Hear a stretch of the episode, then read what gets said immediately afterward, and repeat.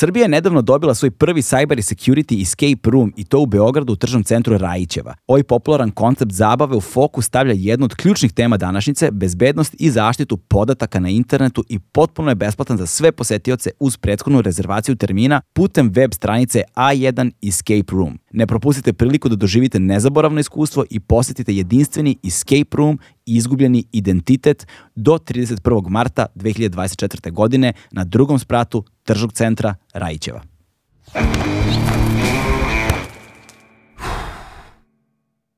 Hmm.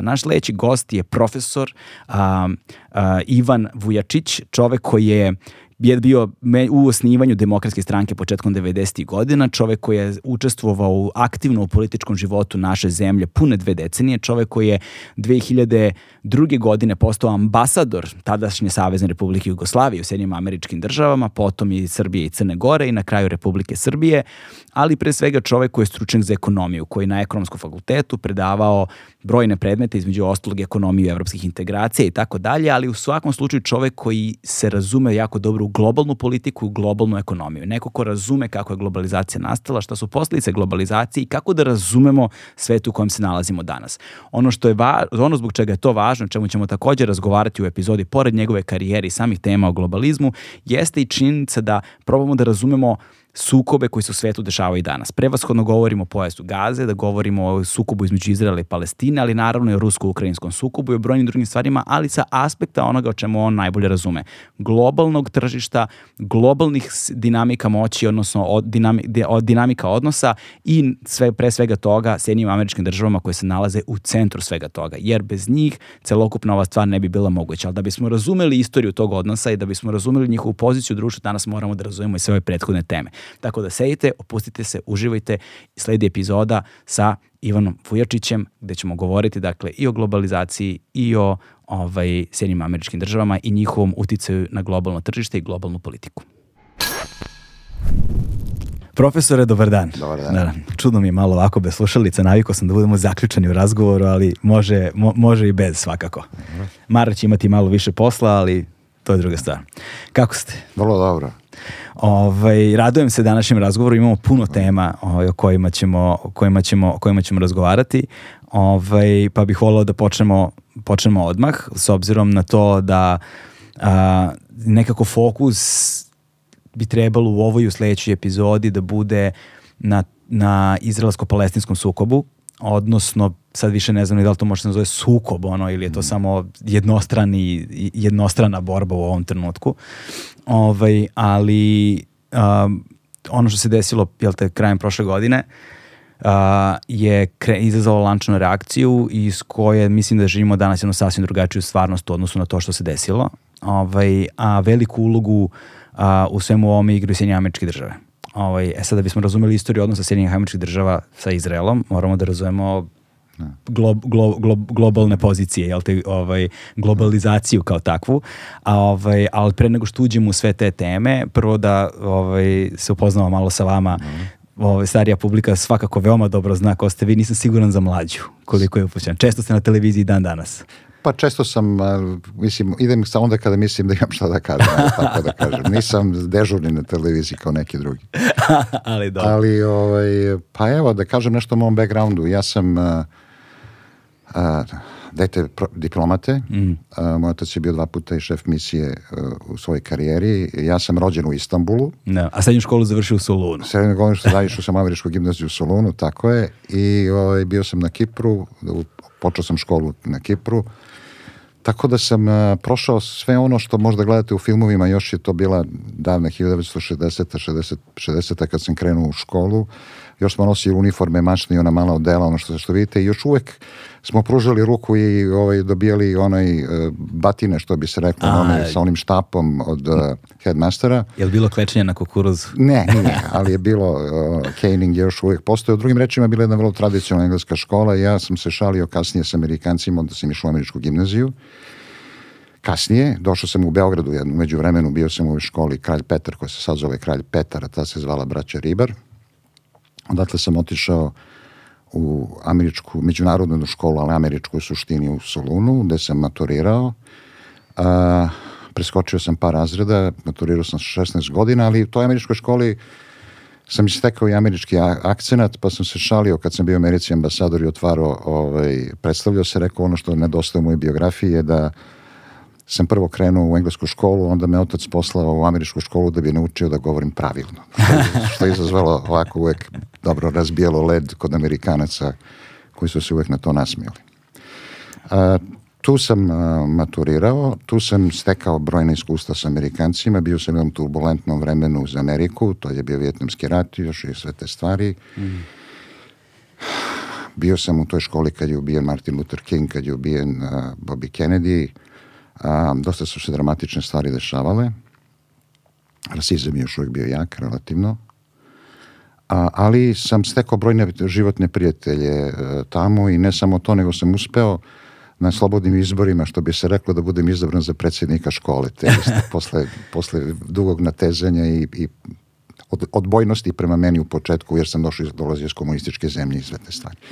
Tako da sam, e, to mi je iskustvo uh, pomalo prvo da vidim koliko je moć obrazovanja. Imao sam nekog izvanrednog profesora istorije koji je dovodio u pitanje celu mitologiju američkog, američke istorije koja se uči uh, obično i koja se neko način koji se Amerikanci socijalizuju i drugo koliko su promene moguće jer od uh, od te opšte podrške i antikomunizma i podrške ratu u Vjetnamu među tim đacima, zahvaljujući naravno njiho, odnosu njihovih roditelja prema tome, došlo od bitne promene uh, da na kraju tog mog školovanja je ta žela škola otišla sa svim drugom pravcu, odnosno javno mnjenje te škole. Tako da sam video moć ovaj, uticaja a, obrazovanja i video sam moć a, uticaja a, pojedinca da, za promene, mm -hmm. da moguće da dođe do promena u javnom mnjenju. I mislim da sam tada prvi put pomislio da bi uh, volao da budem profesor. Uh, Naravno, upisao sam se na fakultet ekonomski, odnosno, ajde da kažem, roditelji su me tamo upisali, bili su, bio sam jako mlad, e, kad, sam, kad su počela predavanja, imao sam 17 godina. Wow, a čekaj, gde ste, ekonomski fakultet u Beogradu? Da, da, da. Sa 17 godina ste upisali da, da, ekonomski Beograd, da, da. wow. Wow. A sa 17 sam napunio kad su počela predavanja, upisao sam se sa 16. A ovaj, ali, ali uh, uh, dakle, završavali ste školu u Americi? Ne, u Solunu. U Solun, pardon, u Solunu, u Solunu, ali ste se vratili u, Beograd. U Beograd, u, Be, da, u Beograd da, zbog fakulteta. Pa istekao mandat mom ocu, vratili smo se u Beograd. A, istekao mandat, okej, okay, okay. Mislio sam da je nešto tendencija. Bio generalni konzul u Solunu tada. Mm -hmm. I onda smo se vratili ovde. I tu sam upi, upisao ekonomiju, odnosno roditelji su me upisali na ekonomiju, a, računajući na to da ako mi ne ide ili ako mi se ne dopadne da mogu da da promenim, imao sam dovoljno vremena. Znači nije bila da želja? Adaptiram.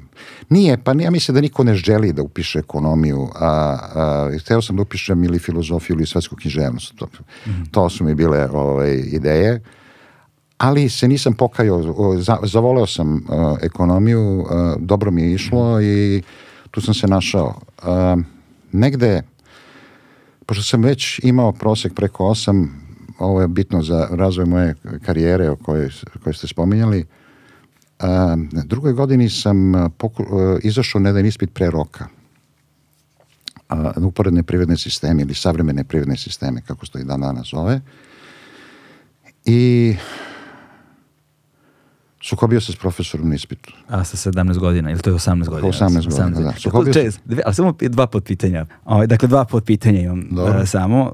Uh, u vezi sa, prvo je u vezi sa, sa američkom školom, Dobro. srednjom američkom školom, u kojoj ste rekli da ste se sukobljavali sa stereotipima zbog toga što dolazite iz komunističke zemlje. Pa jeste, ali mislim, nisam ja, kako da vam kažem, Amerikanci nisu e, mogli da razumeju da neko stvarno misli da Vijetnamci treba da pobede u tom ratu kao što sam ja mislio. Mm. Mislio sam da Amerikanci nema šta tamo da traže. Što se ispostavilo tačno. Što se ispostavilo tačno, da. I nisu to tako lako primili.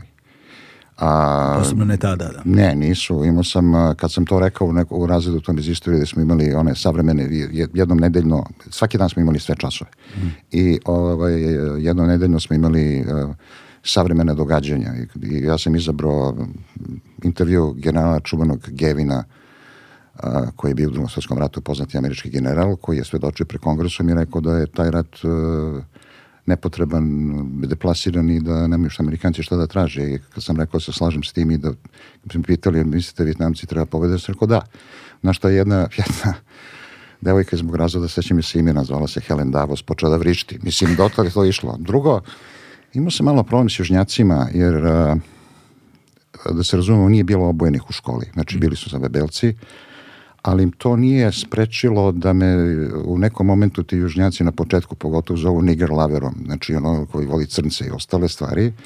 Mm. I čak sam bio jednoj tuči na početku ovaj, zbog toga. Tako da ovaj, bilo je naporno, nije bilo to baš tako jednostavno, nisam bio tako lako prihvaćen u početku, ali posle su me stvarno zavoleli i, i ovaj, rekao sam, bio sam, postao sam predsjednik škole, imam prijatelja dan danas mm. s kojima se dopisujem, viđem u Americi ili kad su ovde iz tog vremena. A druga stvar, ovaj, dolazak na fakultet sa nepunih 17 godina je sva, sigurno stvaralo posebnu dinamiku odnosa sa svojim, pa nisu vršnjaci, ali sa svojim pa kolegama nisu, studentima. Ja sam se upisao faktički sa generacijom koja je starija od mene dve godine. Mm. A, I ranije sam imao društvo neko iz osnovne škole ovde, naravno, ali sam tad stekao društvo na fakultetu. Imao sam stvarno dobro društvo i mnogi od njih su bili postali afirmisani ljudi. A, I nekako kroz, shvatio sam da je bitno da se ukotim s tom generacijom i da imam društvo s fakulteta jer me to onda teralo na mm. učenje, rad i fokusiranje na fakultet. I onda sam, kao što sam pričao, ne. na drugoj godini... Sukob. Da, imao sam sukob sa profesorom uh, Stojanom Jankovom, on je bio predavao taj predmet. I imali smo nesporazum oko prvog pitanja, pa oko drugog pitanja i boga mi, on me prilično onako cedio, jer taj ispit je trajao recimo 45 minuta za dva pitanja. I već sam bilo neki februar mesec, ložilo se, sećam se su mi se pantalone zalepile za klupu i na kraju kad sam završao drugo, rekao, dobro, profesore, mogu da pređem na treće pitanje, rekao, nije potrebno. I pošto su drugi polagali, ja sam mislio zbog tog rasprave da sam ja citirao neku literaturu nezavisno koju sam čitao, da sam opogravao neke stvari koje je on pričao, ali argumentovano, koliko je to naravno a, bilo moguće na bazi te literature koja je bila dobra. Mislio sam sam pao taj ispit. Međutim, kad je on posle delio indekse, vidio sam dobio 10. I ovaj, tako iz jednog sukoba je nastao neki ovaj moj odnos s njim i kasnije na trećoj godini je on asistenta a, poslao svog da razgovara sa mnom da me pita da li bi ja ostao na fakultetu na njegovom predmetu. I mm. tako sam se onda već tada opredelio da ostanem na fakultetu i nikad se nisam pokajao ni što sam studirao ekonomiju, ni što sam ostao na fakultetu. I nekoliko godina kasnije ste i doktorirali na tom fakultetu. Pa na, kasnije, kasnije sam doktorirao, brzo sam magistrirao, otišao u ovoj školi. Moram priznati da sam doktorat razvukao, jer sam u suštini, posle su mi rekli na odbrani, napisao si dva doktorata. Ovo, ovaj, iz čega je na kraju izašao i neki članak koji je izašao u svetskom časopisu, što je dobro bilo. I taj doktorat mi je, mi smo cenili jedni i druge po tome koliko su nam ozbiljni doktorati, znači generacijski asistenti na tom fakultetu tada i to je, mislim, delimično i ostalo ali smo potrošili dosta vremena da, da se dokažemo, što bi se mm. rekao. I onda Ove... sam otišao na, na Fulbrightu stipendiju pre toga. Pre toga pa, sam bio na Fulbrightu da. stipendiju, bio sam u Ann Arboru u Michigan, mm. da sam uzimao doktorske kurseve, tu sam puno naučio i da, tu sam jedan taj rad, iz, taj što sam pisao, koji bi će kasnije učio moj doktorat, a, pokazuje jednom čuvenom profesoru koji me lepo primio, zvao me kući kad je pročitao taj rad, žena mi njegova skuvala kafu, pričali smo o tom, ja rekao, slušaj, ovo treba malo preradiš, i da pošelješ u ozbiljan svetski časopis. I to sam i uradio i, i kasnije, 88. taj članak izašao, a 83. četvrte sam bio u Sjednim državama tih godinu dana. Koji je to članak bio? To je članak bio o koherenciji, o pogledu uh, Marksa i Engelsa na razvoj nerazvijenih područja i kako, na koji način može se vratiti neka koherencija u to njihovo delo koje je prilično kontradiktorno. Mm. I to je izašlo u časopisu Istorija političke ekonomije, a krasnije taj članak u svom zborniku, u svoj zbornik uvrstio najčuveniji uh, istoričar ekonomski misli Mark Blauk, sada pokojni, i to je čak i ušlo u jedno, jedno enciklopedijsko izdanje uh, koje je kasnije uh, uh, izdao Oxford University Press, u osam tomova, najbolji članci na neku temu nekih ekonomista, tako da, da to, to je stvarno jedna stvar koja je trajna doprinos nauci bio. Da, ovaj, I onda povratak u Beograd, doktorat, Da, krajem 80. godina, ali tako? Tako I ovaj, gledao sam nešto, uh, išao sam da tražim datume konkretne ovaj, i onda sam video zapravo da je 3. februara 1990. godine osnovana jel te, demokratska stranka Jeste. i da ste vi član demokratske stranke od 3. februara 1990. Jeste, ali da dopunim to, ja sam se tokom studija družio sa Zoranom Đinđićem, Mhm. znači upoznali smo se preko njegove tadašnje devojke a, i to smo se upoznali na zboru koji je držao da je posle, e, ovaj, na, na filozofskom fakultetu a, i to sam negde mislim bio druga godina a, tada i on je stariji od mene bio godinu dana i tad smo počeli da se družimo. I e, pre nego što ostane demokratska stranka, e, me on zvao da budem jedan osnivača, ali ja sam mu rekao da mi je otac teško bolestan od raka i da ne mogu to da uradim tada, da ću se priključim kada se to desi. Stvarno, otac mi je kremiran na Svetog Savu 27. januara 90. i 3. februara sam otišao dom, ravio se Zoranu i otišao dom Omladine i učlanio se u demokratsku stranku. Uh, kako je izgledao taj period konkretno? To je jedan vrlo specifičan period, svi ga znamo naravno ovaj, po, pre svega po nemilim događajima koji su sledili nakon toga, ali me zanima nekako ta jedna tačka u vremenu između dva sveta, između nekakve, između dve stvarnosti, ovaj, kada se osniva demokratska stranka u jednom sistemu u kojem smo mi živjeli tada, ono, nakon socijalističkog samoupravljanja. Pa, pa me zanima e, da mi oslikate nekako taj period ovaj, i ka- kako su izgledale te vaše ideje koje ste pokušavali da implementirate sa tim pokretom u tom trenutku. Pa znate šta, mislim, uh, ajde da kažem ovako, pad Berlinskog zida je bilo jasno otprilike i pokazao jasnim uh, da taj tip socijalizma u istočnoj Evropi, koji nije bio isti kao Jugoslaviji, da se razumemo, bio bitno različita. Jugoslavija je bila mnogo različita zemlja. Bile, s njihovog aspekta mi smo bili zapadna zemlja. Pa da, da. Mom bratu, ovaj, jedan Rus, on se inače bavi Rusim između ostalog, kao politički sociolog, jedan rekao, ne znam što ste se vi pobili, vi ste bili divna razvijena kapitalistička zemlja. Mislim, hoću kažem, to je bila percepcija. I, Na istoku. Na, naravno, naravno, pa ne, gledajte, mislim, mi smo mogli da putujemo, a, nismo mi za Beatlese čuli kad je pa Berlinski zid i nismo i slušali, mislim, e, rasli smo faktički na jednoj zemlji koja je zapadna i da paradoks bude veći, više smo bili zapad tada nego što smo danas kada se približujemo Europskoj uniji. Javno mnjenje je igralo veću ulogu nego danas kad postoji sloboda štampe i manje je bilo bitno biti član partije nego danas kada imamo više nešto. To zvuči potpuno neverovatno, ali je tačno. Ali je istinito, da. Ali je istinito, ali je vrlo istinito. Tako da smo mi mislili da, da je došlo vreme da, da se formira, naravno, da se približimo i zapadu do kraja, znači na pravi način, da se privreda transformiše, se uvede jedna moderna a, evropska država i njeni atributi ovde i da postanemo deo Evrope. I kada sam ja odlazio da, da govorim po, po raznim mestima u Srbiji, tada na početku te stranke, E, to sam pokušao da e, jednostavno pojednostavim ljudima, ma kakav je program za ovo, kakav je program, rekao jedna je rečenica. Srbija će biti moderna zemlja u Evropi. To je poli- politika demokratske stranke. I tako smo krenuli, da. I sad, naravno, to je sve bilo amaterski u početku vrlo. Ovaj, počeli smo u kancelariji gospodina Đurđa Ninkovića dole po ženičke stanice, pa smo prešli u Narodnog fronta, tad se to tako zvalo, u, u, učiteljsku školu, tad se to tako zvalo, pa smo onda došli u Nušićevu, pa tako dalje. Onda se stranka razvila i, i izašli smo onda na te prve izbore a, 90. godine. 90. godine, da.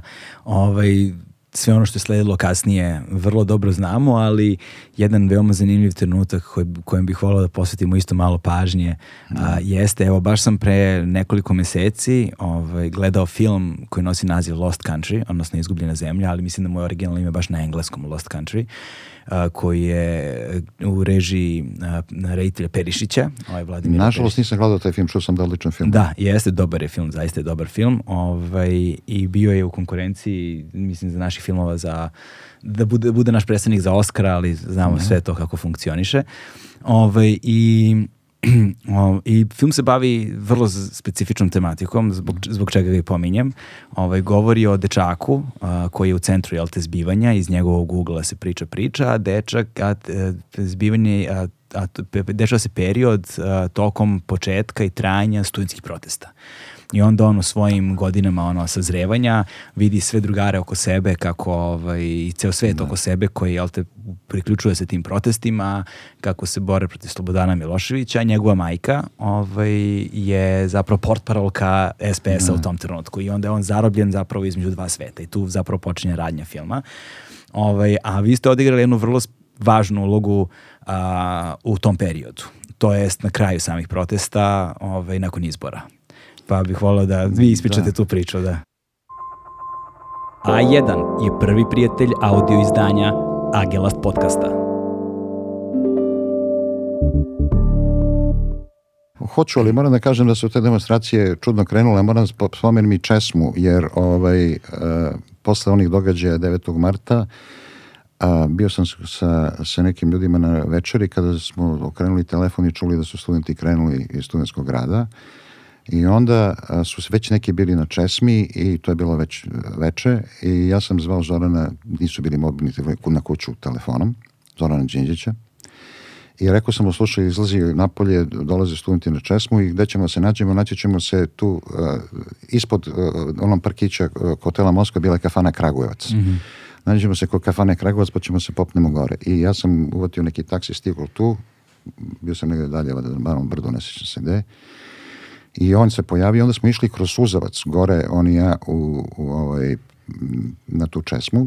Smo stigli kada su a, kad je policija imala gumene metke, tu je na svu sreću jedan naš sekretar tada uh, u Skupštini, Jovan Vukilić odigrao ulogu jer je mahnuo propusnicom iz Skupštine, rekao onom policajcu da, da, da skloni policiju dole prema mostu.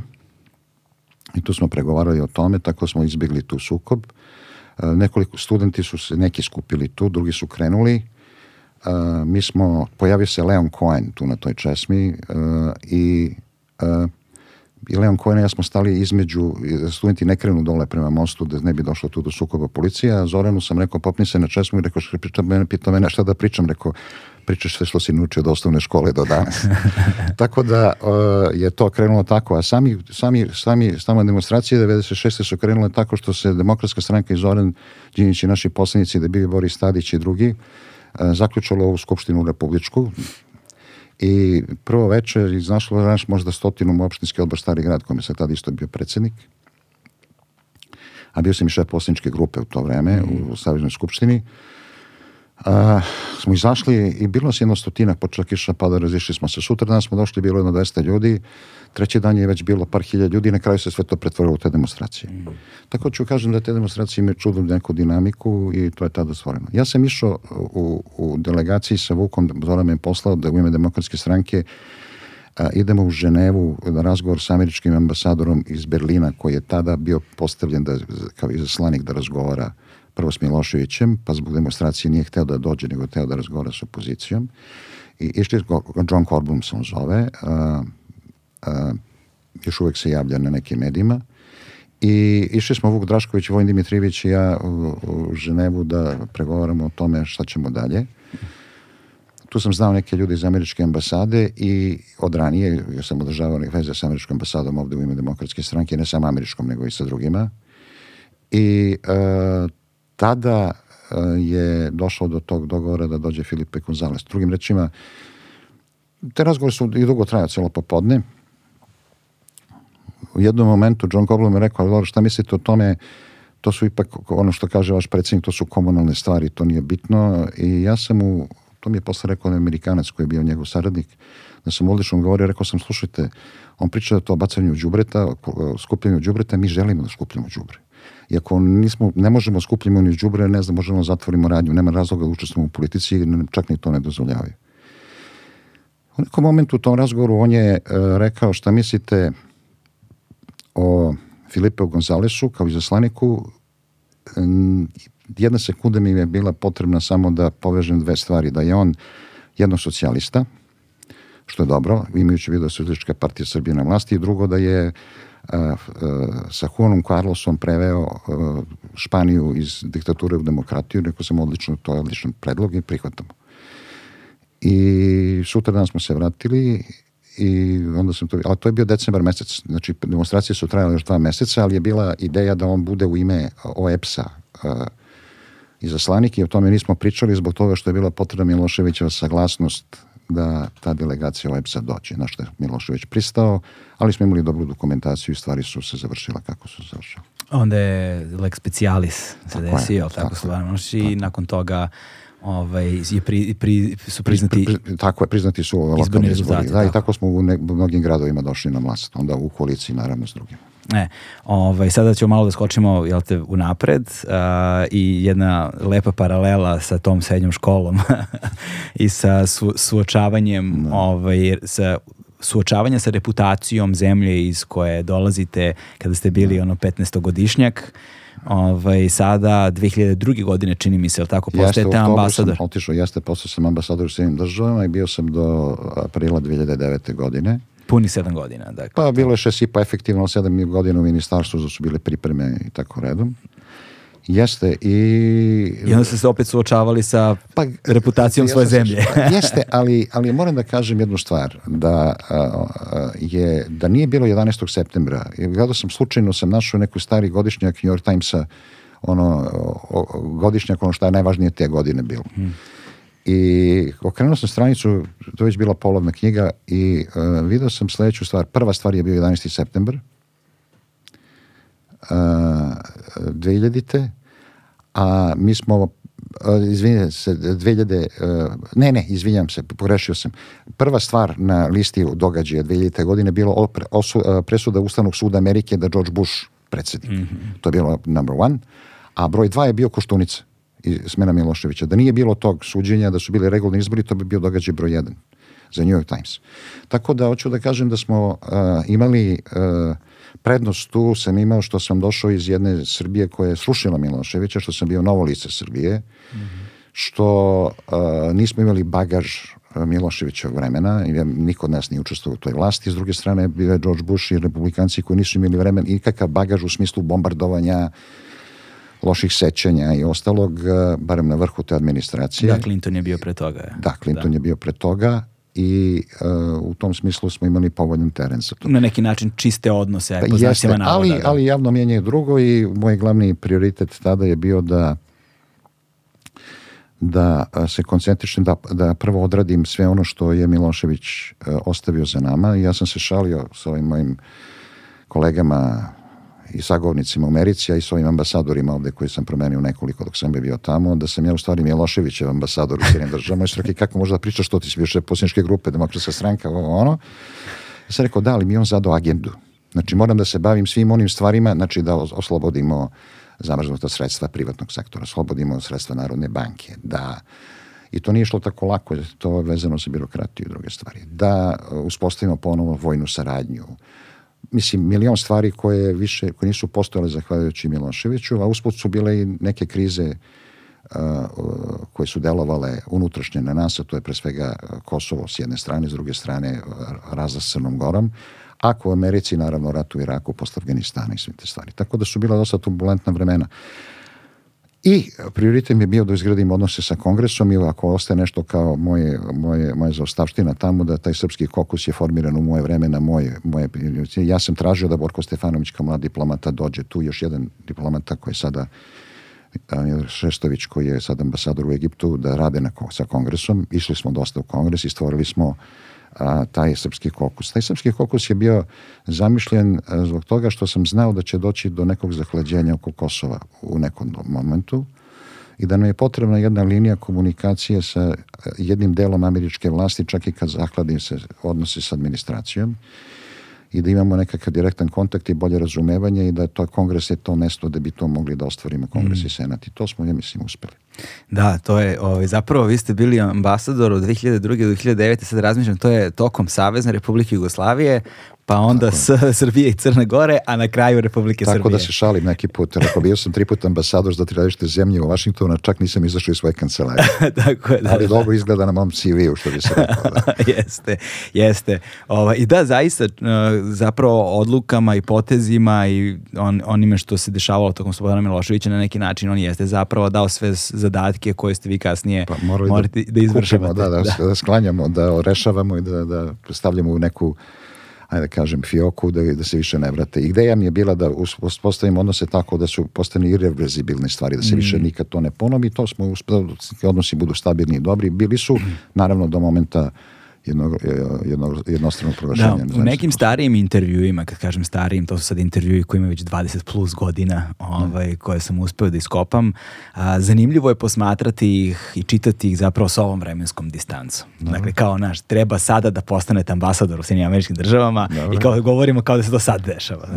Ovaj, I zanimljivo je zapravo kada kada, kada, kada, kada je vlast preuzeta jel te Slobodana Miloševića da ja, nešto što ste u više put intervjua napomenuli jeste da saznali ste koliko je rupa duboka tek kada ste došli tu. Jeste. Da zapravo slika, koliko god da ste zamišljali strašno, je bila mnogo strašnija. Tako. I da ste, na, da ste vidjeli da je problem zapravo sve vreme u komuniciranju sa javnošću bio što, nis, što se odmah u startu nije komuniciralo ljudi, o mnogo je veći problem nego što jeste nego što izgleda. Jeste, ja mislim da to bila greška jer je bilo, optimizam je bio toliki i nije mm. bio opravdan. Znate šta, da nije bilo Evropske unije tada sa 60 miliona ili tako nešto dolara struje, mi ne bismo imali struju posle 5. oktobra vrlo brzo.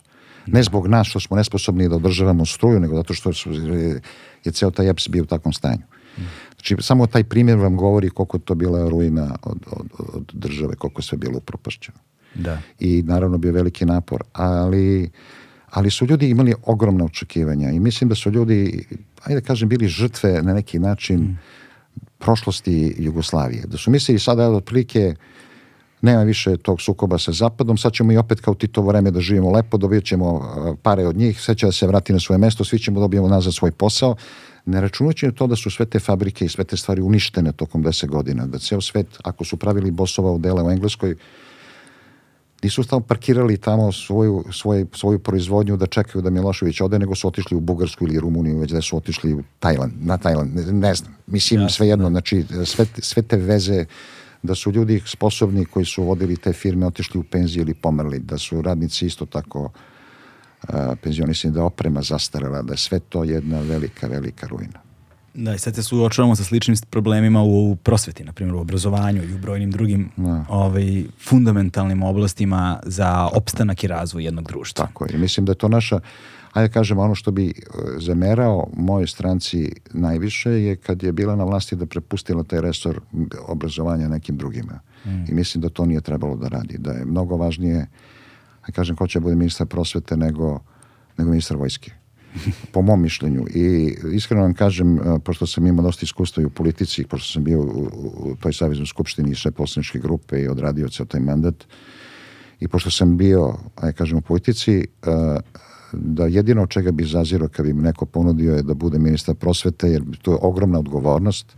Na toj stolici je nekad sedao Dusitej Obradović. Da to, uh, ako izgubite pare, izgubite pare, to možda nije strašno, nadoknadit ćete, ali ako pokorite mozak ljudima, to, je, to, je, to nosi duboke posledice ako ih ne vaspitate i ne dovedete u neko stanje da su u stanju da prate svetske tokove, onda ste u velikom problemu. E, baš I sad to. još jednu stvar sam ako mogu da napomenem. Naravno. Znate šta, to politika, mislim da kod nas ljudi ne razumeju šta smo mi radili. Mi uh, mi se nismo bavili politikom. Nije se bilo moguće baviti politikom Miloševićem jer je on držao sve poluge vlasti, a, medije, krao na izborima i sve ostalo.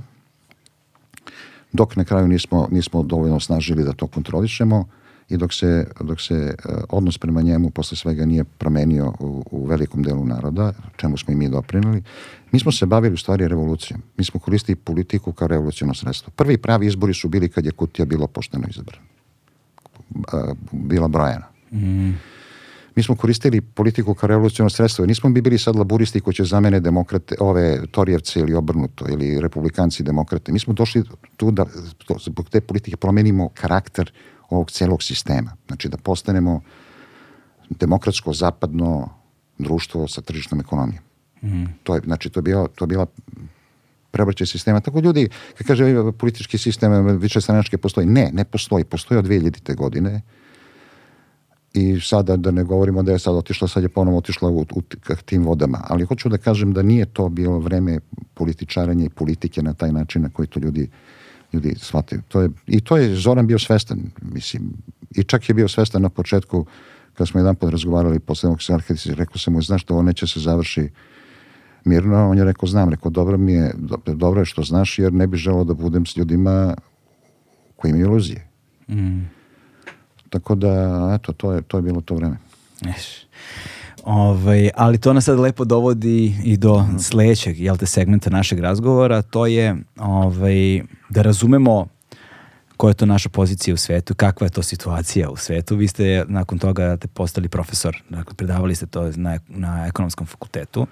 Na ekonomskom fakultetu sam nastavio tamo gde sam stao, imao sam Sa, odsustvo. sa predmetom s kojim ste se sukobljavali. Jeste, ne, sam sam bio s profesorom kojega, ko, koji me jako zavolao. Ja mislim, taj profesor je stvarno bio ovaj, jedan izuzetan čovek jer je upravo posle tog sukoba me znao da mu budem asistent, što verovatno ne bi se desilo mnogim drugima. da. Uh, ali uh, vratio pasivne prerade sisteme, držao sam u, u, uh, osnove ekonomije, držao sam uh, program E, e- Lon- Londonske školove ekonomije koja je sada deo, Mm. deo ekonomskog fakulteta, Ekonomija europskih integracija. ekonomija europske integracije, ali onda sam gostovao na političkim naukama i tu sam držao međunarodne ekonomske odnose e, i isto te pri- privredni sistemi na postdiplomi američki privredni sistem i, i razvoj am- američkog privrednog sistema kroz 20. vek do danas. Mm.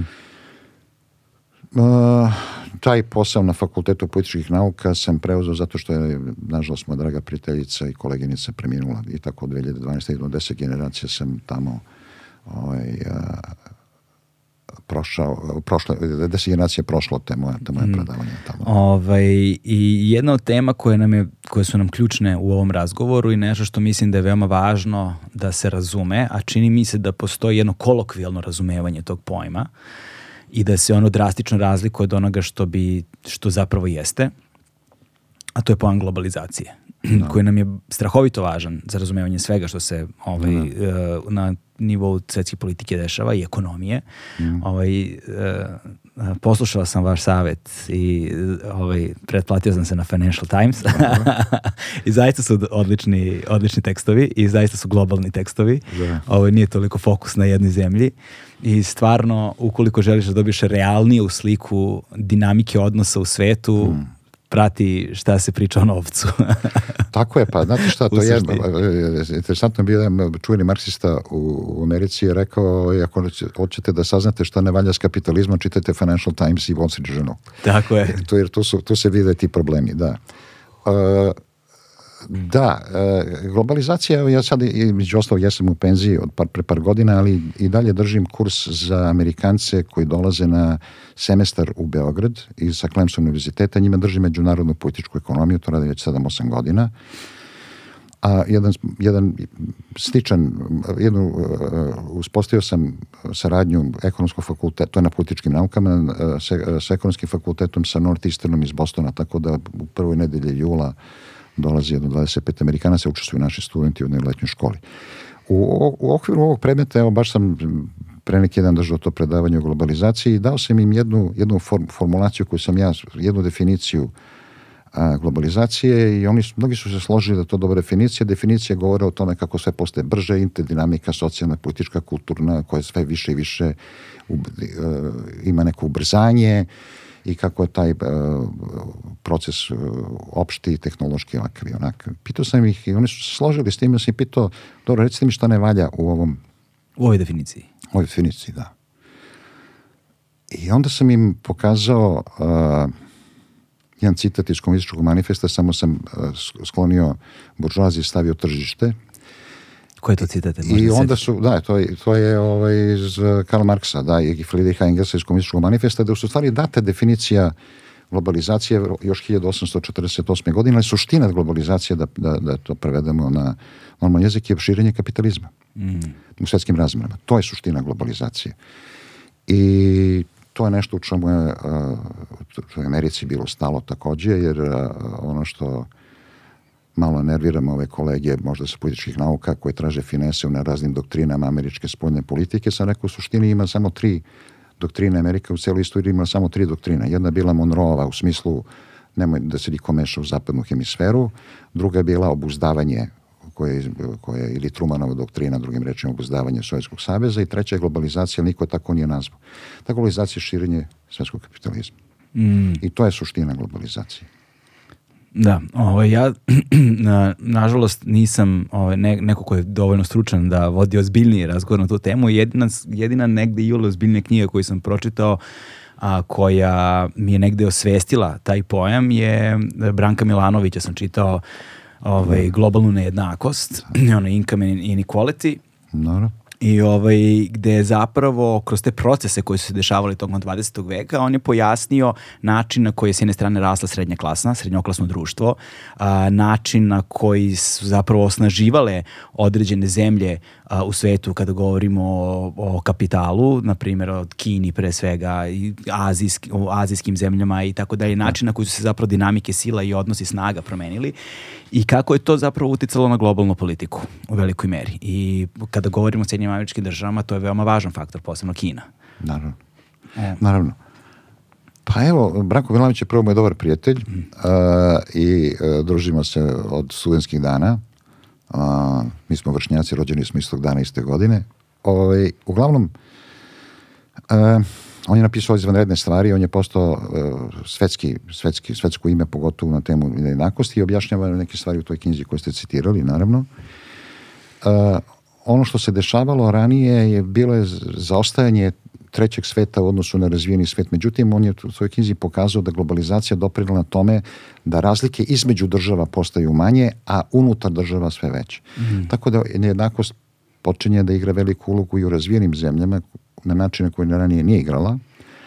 A isto tako moram da kažem i Kina. Kina je jedna od naj ne, zemlja u vrhu nejednakosti u svetskim razmerama.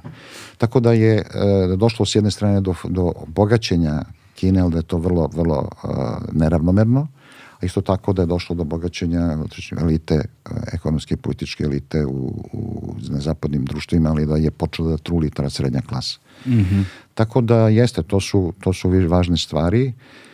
S tim što mislim da, da je uh, naravno nije, uh, nije Kina jedina koja, koja je uspela da se digne u toj sferi globalizacije, to je i Brazil, to je Indija u velikoj meri, I, ali najveći dobitnik je sigurno Kina, jer uh, zahvaljujući globalizaciji 800 miliona Kineza izišlo iz, iz, iz, iznad linije apsolutnog siromaštva. Tu nisu mnogo bogati ne, i tako redom, ali bitno im se poboljša položaj, tako Kina je na, na putu da ukine siromaštvo za 40 godina. Drugo, uh, apsolutno siromaštvo, ako govorimo ne sad o raspodeli, nego je jednakosti i nejednakosti, ali apsolutno siromaštvo je opalo.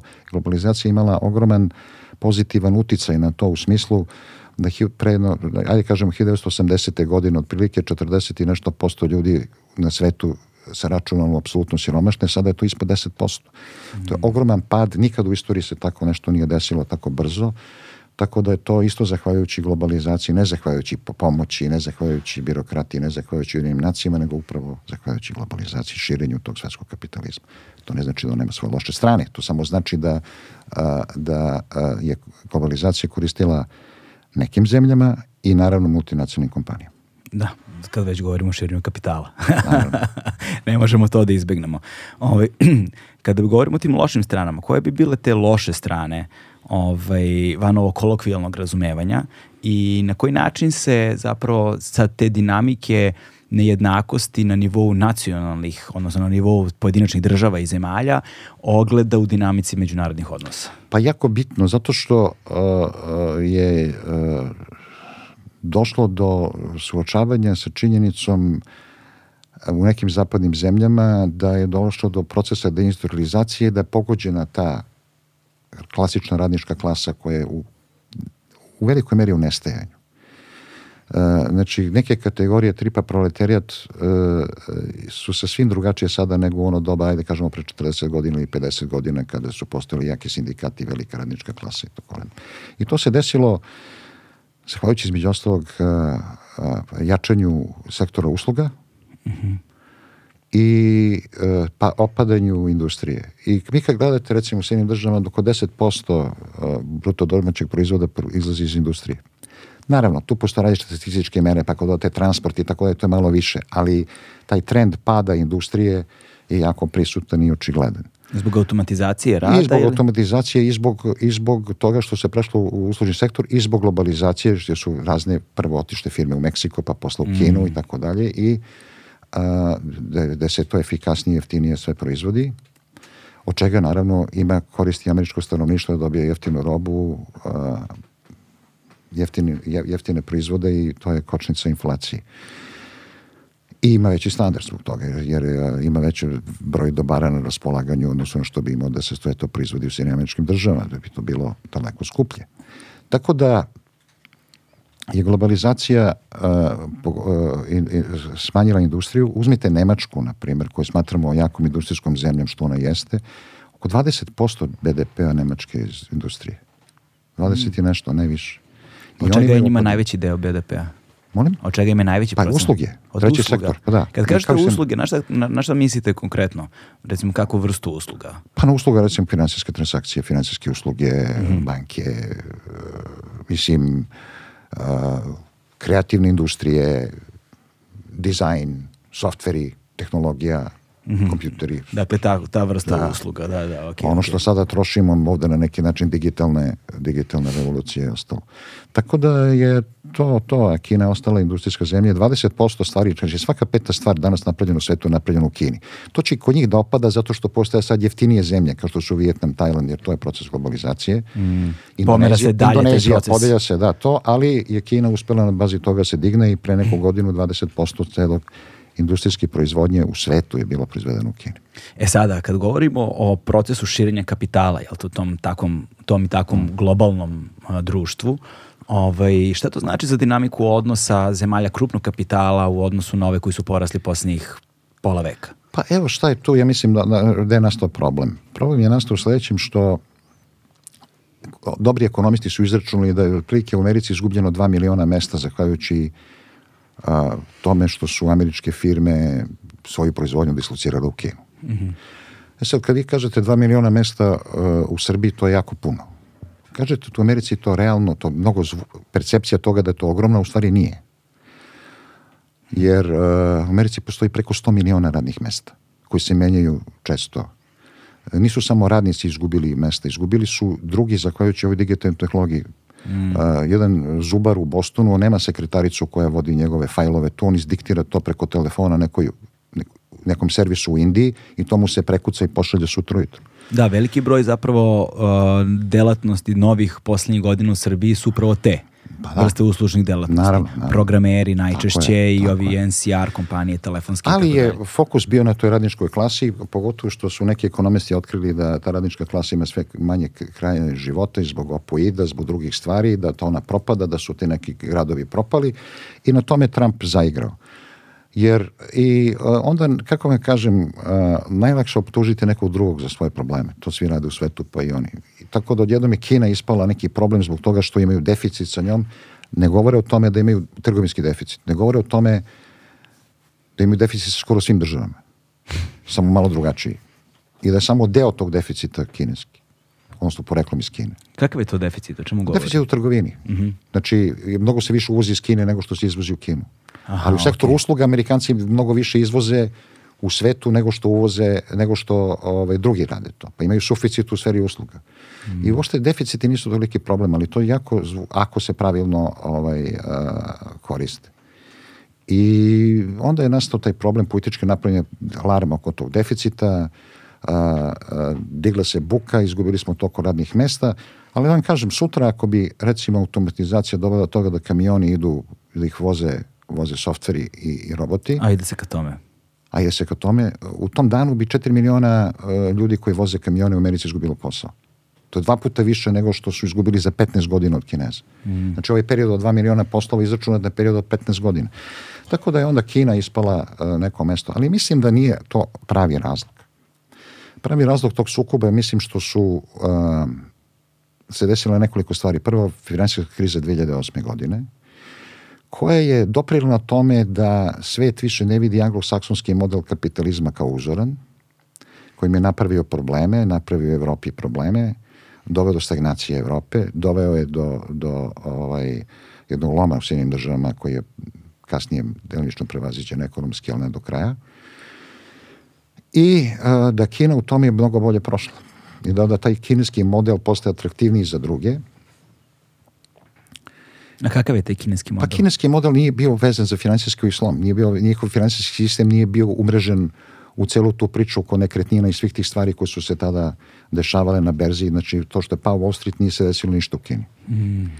i samim A, tim... nisam znao da tamo nije bilo nikakvih Pa posledica. bilo je posledica u smislu svetske tražnje. Znači kad je pala svetska tražnja jeste kineska privreda trpela jer je sad manja tražnja, manje izvoz bio i ne znam šta, ali nije došlo do unutrašnjeg nekog bitnog, ne kažem, pomeranja, a onda su oni imali svoj, de- svoje deficitarno finansiranje da su dalje digli tražnju, subvencionisali svoju privredu i tako redom. Tako da to je jedna stvar. Znači to je bila prva stvar i druga stvar mislim da je uh, Xi Jinping uradio jednu stvar koju Deng Xiaoping nikad ne bi uradio. Deng Xiaoping je govorio, koji je naravno otac reformi u Kini od 79. godine, od tada je Kina krenula ovim pravcem globalizacije i uključenja u međunarodnu uh, ekonomiju, je rekao sledeće, uh, Deng Xiaoping je rekao sledeće, uh, čuvajte i skrivajte svoju snagu, rastite i čuvajte svoju snagu, nemojte mnogo da to reklamirate, otprilike to je bila poruka, nemojte da se busate u grudi.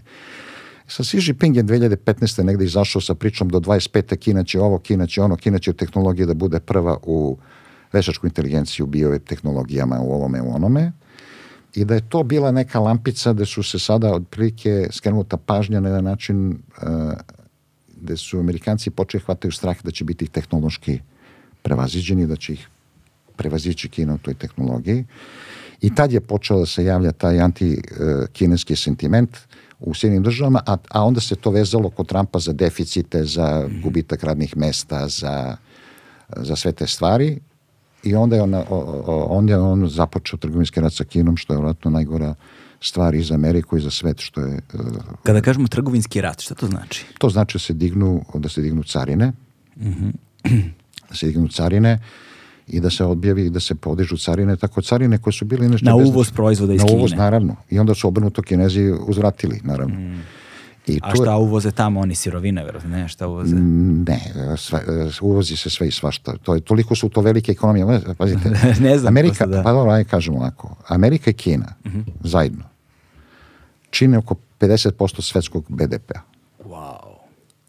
Evo, u da, današnje vreme, u sa- na ovom momentu, u nominalnim, pričamo o nominalnim ciframa. Nominalne cifre su sledeće. Danas Amerika prošle godine imala GDP od 27.000 milijardi, Kina oko 18. Kad sve te dve cifre saberete, koliko je to? To je prilično uh, veliko. Tako, Ako Evropa je neko, neko 18,5 i ako dodate Britaniju, ona je 20 i nešto. Znači, Kina i Amerika su 40 i ne znam ko, blizu 50% od svetskog GDP-a. Ako dodate tu Evropsku uniju kao treću, to je već otprilike 60 i ne- nešto posto GDP-a svetskog su Evropska unija, Kina, I Amerika. Kina bez Indije, bez Japana, bez ičega. Samo znači, ako Kina. dodamo to, samo Kina i Sjedinjene američke države su 40 nešto posto. Tako da, da su to ogromne e, privrede koje su povezane i tehnološki preko tih multinacionalnih kompanija. Jer, e, gledajte, p- e, ovako, imam neki telefon koji je Motorola. Okay. Šta se dešava? On je napravljen u Kini. On se izvozi, Motorola izvozi taj telefon negde, u svet zapadni, na primjer u Ameriku i tamo ga neko kupi, na primjer ja. I to se računa kao kineski izvoz. U stvari Motorola izvozi sopstvene proizvode nazad u sopstvenu zemlju. Je njihov softver, ali on je napravljen u Kini. Znači, izvoz iz Bora je srpski izvoz. Da li je vlasnik US Steel ili je to kineska firma, svejedno. Znači, sve se statistički tako meri. Tako veliki deo tog deficita, u stvari multinacionalne kompanije, prodaju sopstvenoj zemlji, računa se kao izvoz iz Kine. I ta stvar postaje još komplikovanija zato što neke stvari se uvoze da iz, za tu Motorola da bi se posle izvoze, pa je neto izvoz ovoliki ili onoliki i tako redom. Tako da, da atak na, na trgovinu je pogrešan i kontraproduktivan. I jednostavno su Kinezi uzvratili sa nivoa recimo carina od 3-4% su točili do 20% i to onda čini ogromne probleme i onda su došli do jednog trgovinskog sporazuma.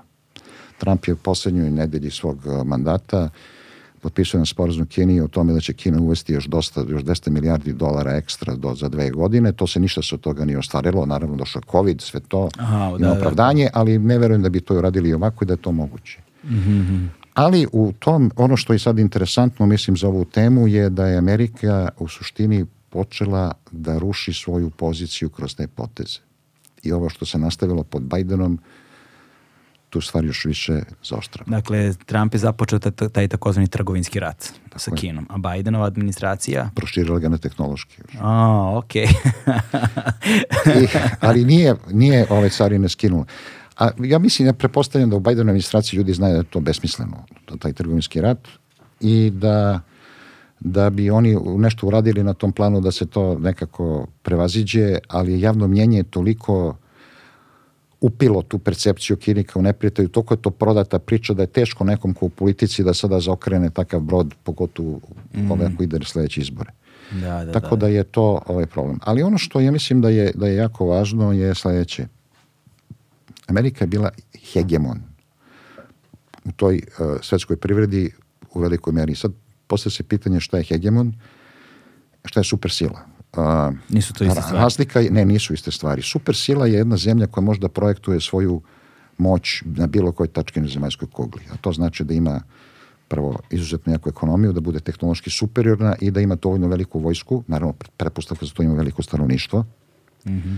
relativno veliko stanovništvo, i da možda projektuje svoju vojnu moć bilo gde. I to su jedine zemlje u svetu koje to može, su Sjedinjene države, ako zanemarimo naravno nuklearni holokaust, odnosno Jasno. rat koji uništava svet, jer to Pretnju mogu neke druge sukoba, zemlje, znači da. bez nuklearnog da. sukoba, ona je jedina supersila. Da, Nemačka je tokom drugog svjetskog rata jedan od problema koje je imala je upravo bio u ljudstvu. Pa nije, nije, jednostavno, e, nijedna sila do sada, super sile su sam, postojale samo dve u ovom smislu kome ja govorim. I to e, Amerika kao jača i Sovjetski savez kao mm. druga posle drugog svjetskog rata. A, druge super sile nisu postojale. Uh, Engleska je bila sila i kolonijalna ovaj, sila, ali i najveća imperija, ali nije bila super sila, ali je bila hegemon. I sad u čemu je razlika? Razlika je u tome što mi definišemo hegemona kao neko ko utiče i postavlja pravila u svetskim razmerama neke delatnosti tipa ekonomije. Okay. Naprimjer, Britanija nametnula zlatni standard. Nije ga nametnula silom nego kad je uvela zlatni standard, sve ostale zemlje su shvatile da koliko nemaju zlatni standard, da će loše da prolaze u, mm. u ekonomskim interakcijama. Pa su sve spontano uvele, onda Francuzi, pa svi redom su, i Amerikanci, svi su uveli zlatni standard. To je jedno. I drugo, znači hegemon je onaj koji stvara pravila. I drugo, e, može da pro, pro, e, omogući da finansira javna dobra koja su bitna za funkcionisanje svetske privrede. To je, na primjer, vojna moć.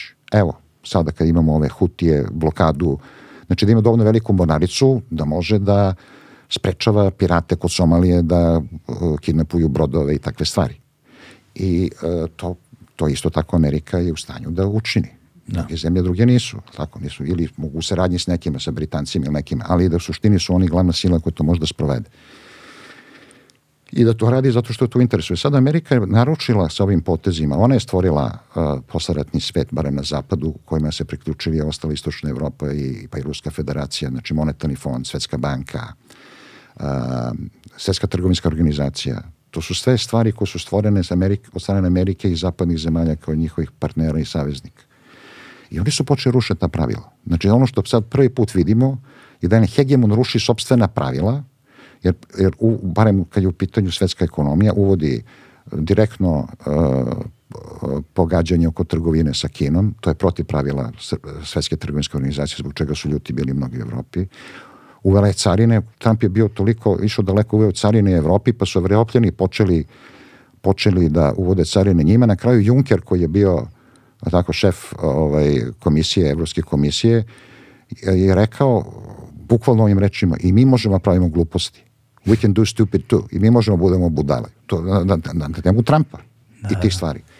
I onda su se nekako te stvari počele malo da se peglaju kad je u pitanju Evropa, Amerika, ali su oni počeli da rušavaju ta pravila. Ovo, ovo, drugim rečima, Amerika je učinila sve ono što, zašto optužuje Kineze, daje, daje sada subvencije svojoj privredi, ima direktne trgovinske aranžmane, sa Kinom je pokušala, ima trgovinski rat.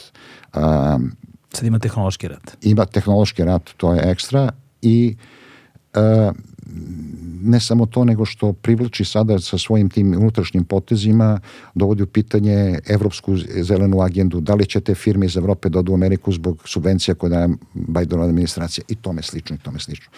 Tako da je stvar vrlo komplikovana i on mislim da ono što sada u ovom momentu je velika enigma, ovo govorim o američkim saveznicima u Evropi, da ne znaju šta Amerika hoće.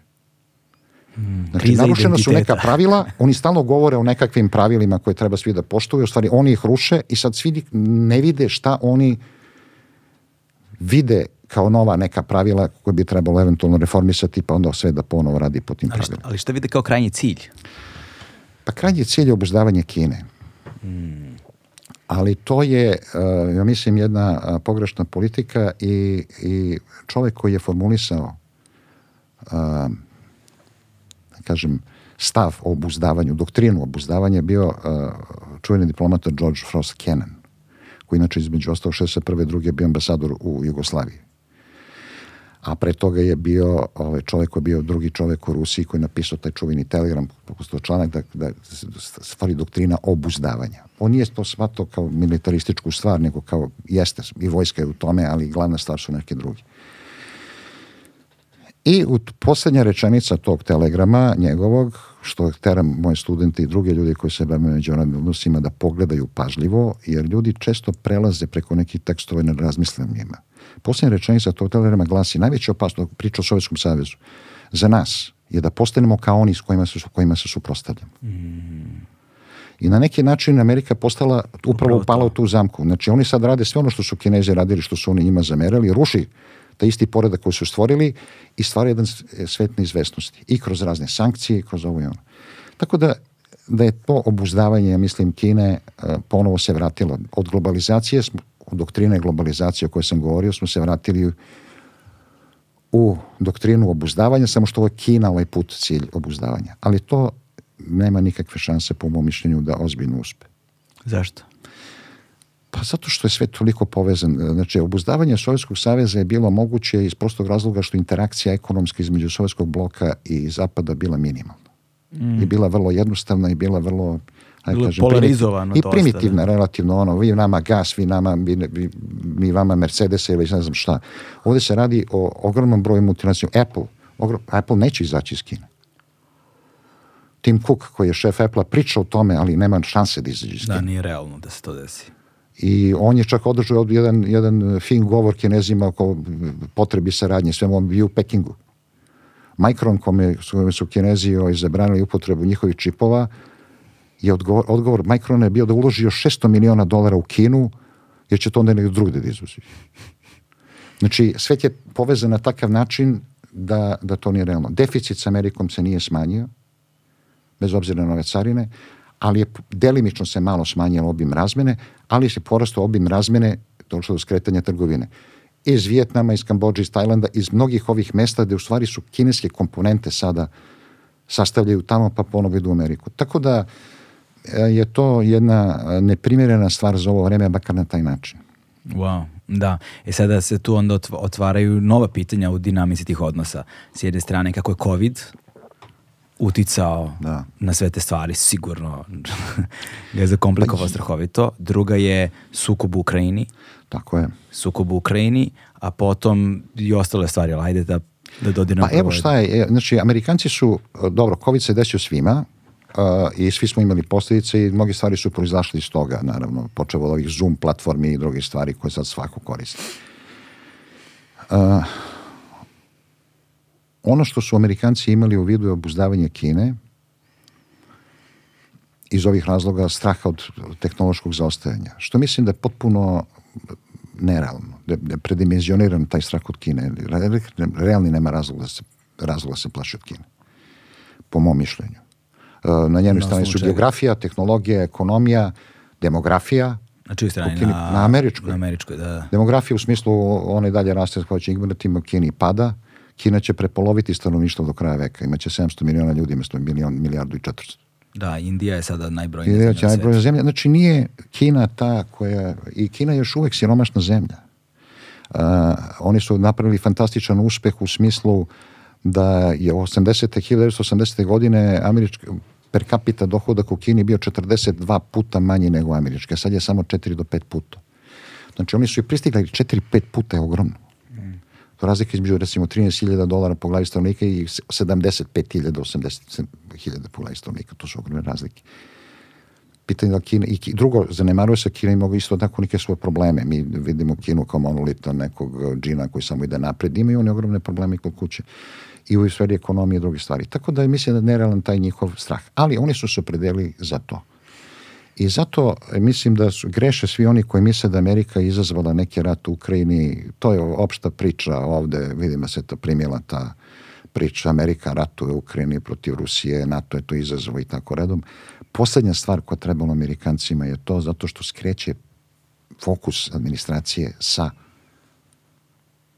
problema koje su identifikovali kao broj jedan, a to je suparništvo s Kinom. Isto toliko im je, nije trebao ni ovaj rat na Bliskom istoku. Znači sve su to stvari koje ne idu ni malo Americi u prilog. Jedino što je Americi e, išlo u prilog u vezi ovog rata ovaj, koji je Putin a, inicirao napadom na Ukrajinu je da je a, smanjio Evropu kao samostalnog geopolitičkog igrača, da tako kažem, i gurno je u, u naručje Americi preko NATO. Mm.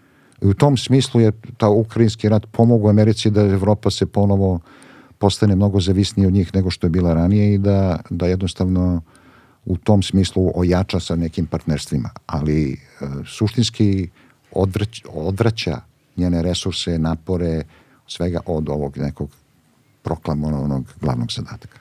Da, dakle, dakle, ali rat u Ukrajini traje sad već, bože koliko je, smo ušli u treću godinu rata. Već. Sad će, da. Sad će treća, godi, tre, Da. treća, treća godina rata. Ovaj, pomoć koju dobijaju je ono finansijski pre svega je Naravno. nije mala. Nije. mala i ovaj a, i sad kako kako taj sukob utiče na toj globalnoj mapi i kao trgovinskoj, odnosno i sa ovaj, sa svim silnim nestašicama koje se dešavaju, sa ono, o, krvarenjem ogromnog novca i sa dinamikom moći.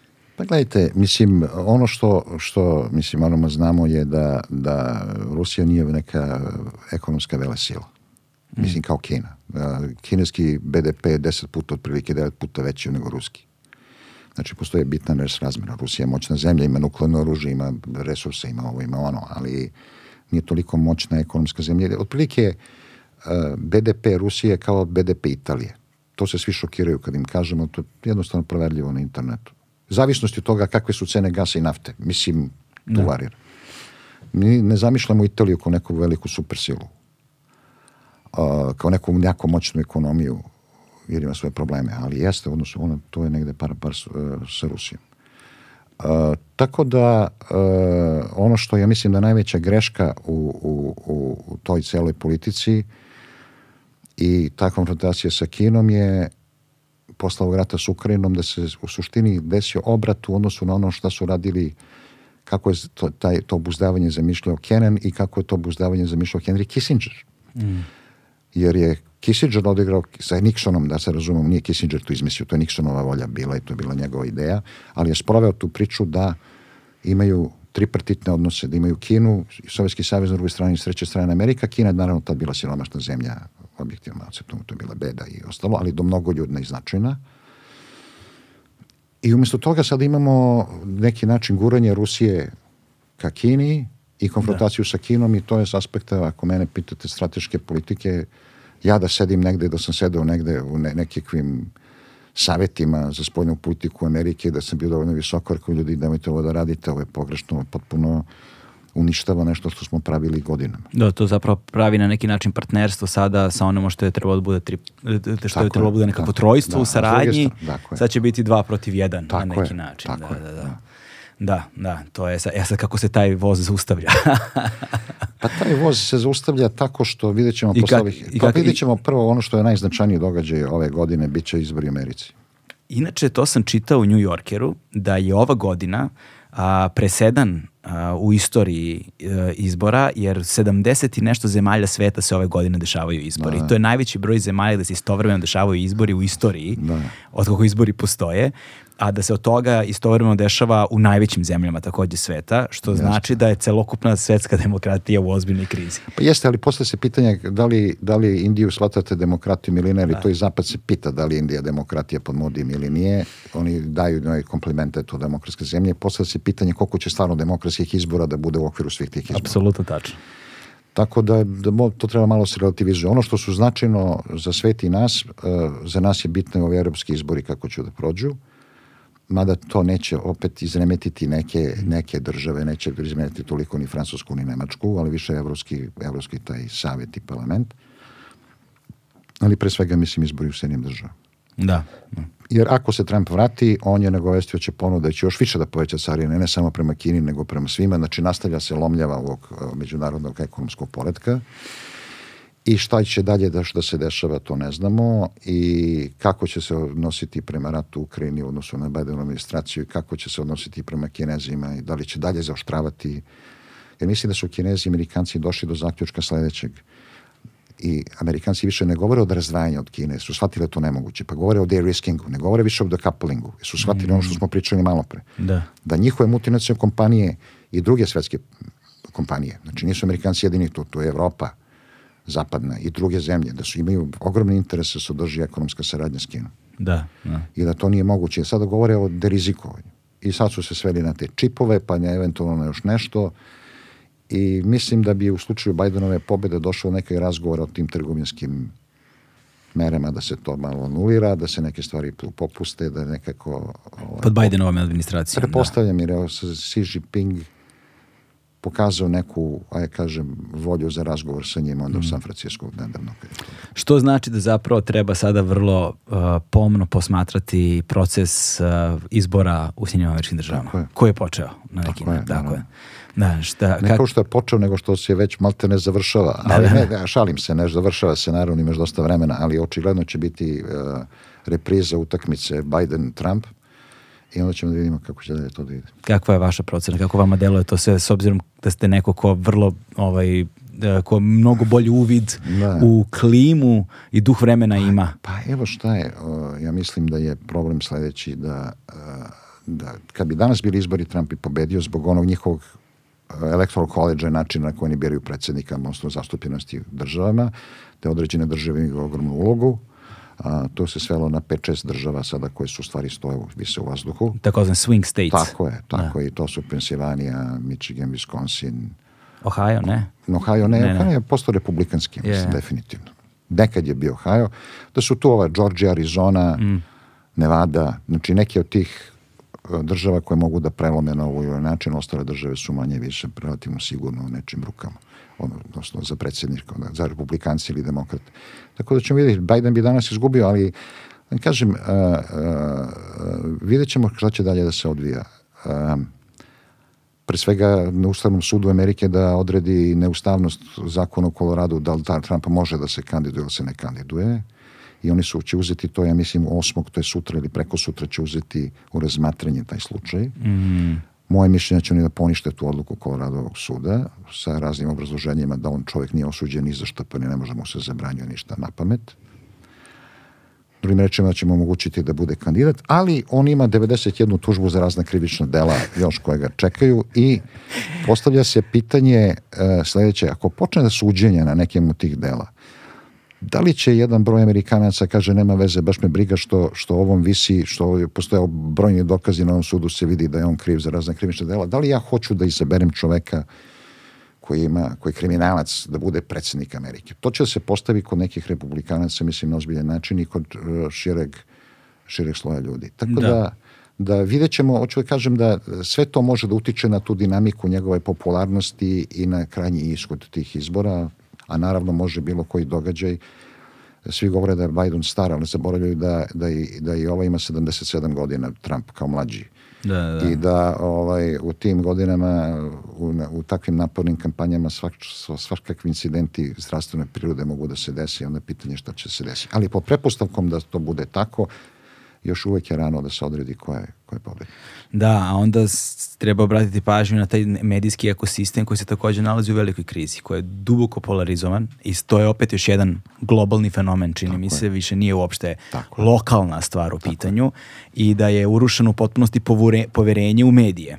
Samo, I da se mi sada zapravo pitamo na koji način će zapravo, to će biti na neki način informacioni rat, recimo, znaš, da će tu zapravo ogromne, o- ogromne ovaj, uloge igrati način na koji se stvari prenose, izveštavaju i kako se grade narativi. Tako je. Ali znate šta, mislim ono što, što je došlo do, do uh, niza se način uh, do propadanja, da kažem, demokratskih procesa, to, to je dovelo upravo te ekosistemi i ogromna podeljenost. Ta podeljenost nije od juče, nije nastala sa Trumpom. Ta podeljenost je krenula u Americi još od Newta Gingricha tamo 90 neke godine u američkom kongresu protiv Clintona. I kad je prestao hladni rat u Americi, republikanci nastavili hladni rat protiv demokrata. Mm -hmm. I stvorili su se takozvani ti kulturni ratovi, ono, cultural wars, jel, o, o nekim stvarima. I e, toliko se to plemenski podelilo, tako kažem, tribalno na republikanci, demokrate i na ovo i na ono, da su te prilično čvrste te podele, relativno mali broj ljudi u sredini koji, koji menja mišljenje i e, da u stvari više nemamo birače, imamo navijače. Tako je, da, to je I jako to je problem. Tako da, pazite, ne postoji stvar koju možda kažete nekome ko navijač Mm. a, koja će promijeniti njegovo mišljenje u njegovom klubu. To je se već poslalo deo identiteta. Tako je. Da. To se ne, ne menja I tako to lako. je, nema više veze, ovaj, što kažu i posle svega ja volim njega. I, ovaj, i pa da, tako ima neka pesma. Da, jeste, jeste. I ovaj, da, da više ovaj, nema, nema ovaj, tu mnogo prostora za neko kritičko razmišljanje, nažalost, i mislim da je to ogromna opasnost u, svetskim razmerama za demokratiju. I pogledajte te, te razne ovaj, uh, uh, zlopotrebe tu medijskog prostora. Evo, glavni vam je, glavni vam zlopotreba Brexit, na primjer. Pazite, ljudi su verovali u laži da će ovo, zdravstvo, zdravstvo engleske dobije ekstra 350 miliona funti ne nesečno zato što ne plaće Evropi, to je postaje kao potpuna laž. I sad ovi farmeri koji su dobijali subvenciju od Evrope, sada nema sredstava, sada Britanija to mora da finansira, sada, je, sada su se sukobili sa posljedicama sobstvenog glasanja na informisanosti i, i prevare na neki način, tako Da. kažem. I sad je to problem, ali je kasno. Ali je kasno. Da. Britanija neće da uđe u Europsku uniju ponovo narednih 30-40 godina, možda nikad. Ovaj, toliko ću da kažem, to cijela jedna generacija ljudi, dve, nekoliko generacija ljudi će biti van Evrope kad je Britanija u pitanju u vezi onog evropskog a, prostora na način na koji su bili dok su bili članovi Evropske unije. Da, čovječe, plaćat će, se, plaćat će se ogromna cena, ali to je sad ono način na koji populizam zapravo kreira mišljenje. I sad tu se možda vraćamo opet na onaj fenomen globalizacije da su zapravo uh, da su, za- da su zapravo nejednakosti počele da bujaju u, unutar država je. i da se polarizacija dela, de, dešava unutar samih država, Tako je, tako ali da se kroz populističke ideje, zahvaljujući savremenim tehnologijama, na neki način te ideje postale internacionalne. Da su zapravo te po- unutrašnje podele na nacionalnom nivou s- pretvorile u negde globalne tabore. Pa jeste zato što je svet više povezan zahvaljujući globalizaciji, tehnologiji i svim drugim stvarima nego ikad ranije. Da. I, ovaj, ali, Izvinjam se, tako se kulturni rat preselio na globalni nivo. Tako je, delimično kako gde, da. Mm. O, tako je. A, znate šta, ranije, bilo je, bilo je, znači ajde kažemo ovako, ne, nije, ne, tu reći populizam nekako, ne volim previše jer mi nekako nije dovoljno precizno. Ajde, po- po- znači, e, često se to koristi za nekoga koga ne volimo. Aha, da, istina. Na primjer, na- kao Trump je populista, ne volimo ga, dobro, ok, on je populista. A šta je s Macronom? Da, da. Jer on populista, pa tako je došao, bez stranke, bez ičega došao na vlast, nizu se način. da. a, a, neke od ovih italijanskih partija su populisti. Mislim, hoću da kažem, a, malo mi je taj termin nedefinisan i malo se nekako čini mi se suviše Lako koristi. lako, lako, lako koristi za onih koje ne volimo. Ali ajde da kažem ovako da, da, da su gubitnici u globalizaciji ti koji su, kojima se adresiraju te, te partije da bi taj njihov gnev iskazali. Pa evo da vam kažem ovako, moje li- lično mišljenje bazi poznavanje Amerike, mislim da, da ovo je tvrdo jezgro Trumpovo, na primjer, bo jako besno i puno, puno gneva, Mm, rezignacije, da. ne rezignaciju koliko a, više ljutnja, bes. Mm. A, Usmeren ka čemu? usmeren ka establishmentu Amerike. Ka demokratama. Ka demokratama koji su kao, eto, kvitesencija toga ako oni smatraju establishmentu. Što je interesantno, republikanci su bili taj establishment isto toliko vremena koliko i demokrate posle drugog svjetskog rata, ali dobro. Trump je duše transformisao republikansku stranku, stranku delimično u vezi nekih načela. Ali, da kažem ovako, ja mislim da oni čak i ne žele da pobede, oni žele da iskaze svoj bes. Mislim, čak ni pobjeda da im nije važna. Nego hoćemo da stavimo do znanja koliko smo ljuti. I to im Trump omogućuje, na primjer. Da, kad tako postavite, to ima smisla. A, tako da mislim da mnogim od tih koji su gledali za taj Brexit, da mnogo njih iz neke ljutnje ili zablude iz besa glasao. I to je opasno i to je šteta. A, to je šteta zbog toga što jeste posljedica toga što su političke elite na zapadu ignorisale upravo te ljude koji su pogođeni kao gubitnici globalizacije. To ću mi na primjer zamišljati istorije. I pre toga je bio, bio, bio taj sukob, kad je bio zlatni standard, Mm -hmm. Farmeri su bili pogođeni zbog globalizacije, zbog žita i, i hrane iz Australije, Kanade, Argentine tada i to je bilo 1880. godina. I javio se pokreti oko William Jennings Bryana u, u, u demokratskoj stranci da, je, da su rad, ratovali protiv zlatnog standarda i smatrali su bankare ti koji su ih prodali i ove koji kopaju zlato ti koji su ih prodali. I tražili su bimetalni standard da se vrati i zlato i srebro i William Jennings Bryan koji je kasnije bio inače i ministar spoljnih posla Amerike pod Drew Wilsonom jedno vreme. Dva puta se kandidovao uh, ili tri puta za, za, za predsjednika Amerike, nijedan nije dobio. Ali održao taj čuveni govor u kome, u kome je taj bes farmera iskazao i govorio je o, o, o, protiv zlatnog standarda i rekao je čovečanstvo ne sme biti razapeto na krstu od zlata.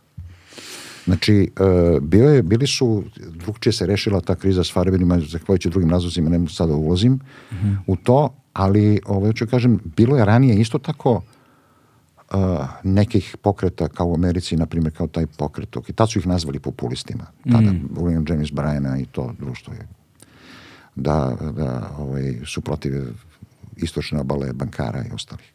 Mm, da, zanimljivo. Zapravo mi nemamo ovde problem sa novim fenomenima ali, ali način na koji se oni kreću je nov, zahvaljujući tehnologijama sa kojima imamo posla. Tako je. Da. Ovaj, e sada, um, još jedna dosta važna tačka ovaj, u, u svetu u ovom trenutku je već dugo niz godina, u ovom trenutku posebno, je pojas Gaze, odnosno Palestina i, da. i sad pre svega zapravo priroda tog famoznog odnosa između Sjednjih američkih država i Izraela. Da ovaj, volio bih da saznam što više zapravo o istoriji zapravo tog odnosa. Znači, o čemu se tu radi, kako je to nastalo i na, zbog čega i na koji način Izrael dobija toliko veliku podršku Sjednjih američkih država, da. skoro bezrezervno mogao bih reći. Da. E, pa, evo, počnemo odavde. Znači, Amerika kao i druge zemlje su pozdravile staranje Izraela 48. godine, odmah su ih priznali.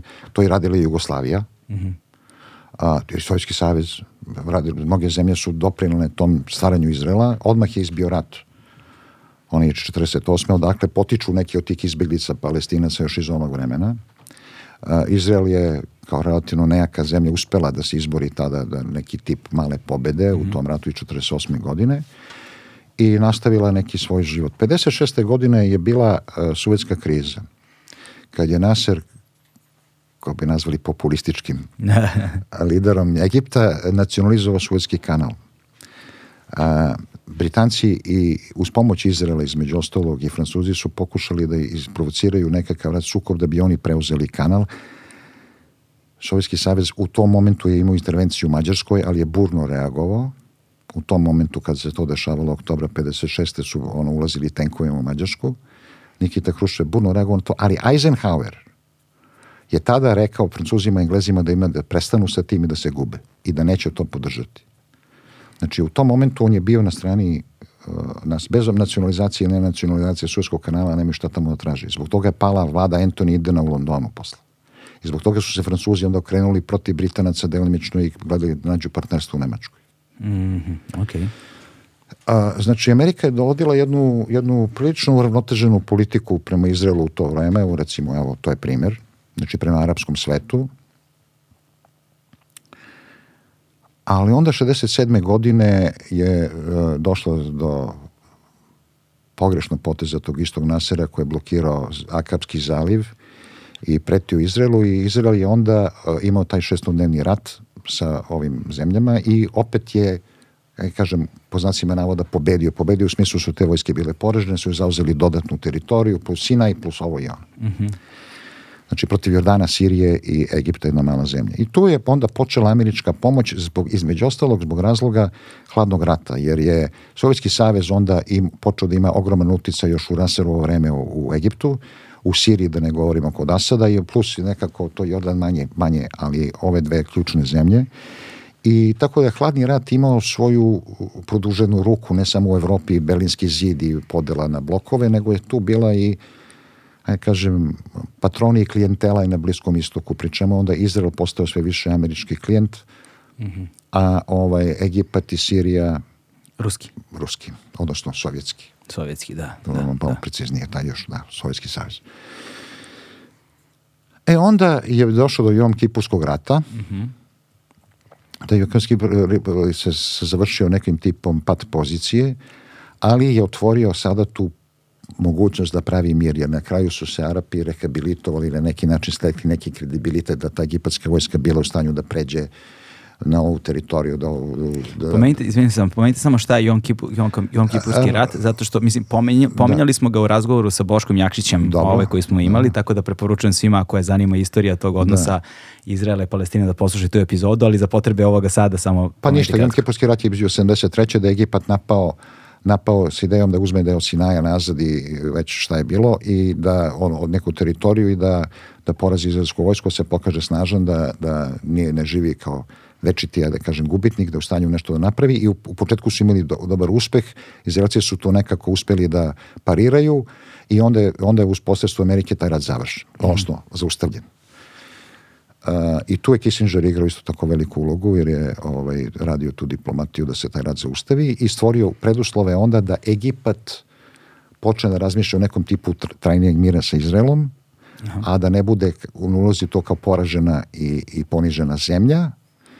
I onda je Sadat kasnije kod sa Clintonom potpisao sa Beginom onaj sporazum gde su normalizovani odnosi između Egipta i Izraela, a samim tim i omogućeno Egiptu da izađe iz patronata Sovjetskog saveza jer su Sjedinje države preuzele na sebe a, ulogu tog patrona u smislu da će i jedna i druga zemlja dobijati u oružju od sada pa nadalje milijarde, par milijardi dolara godišnje mm. a, radi svoje bezbednosti, radi ovoga, radi onoga. To se i dalje dešava. I to se i dalje dešava, da.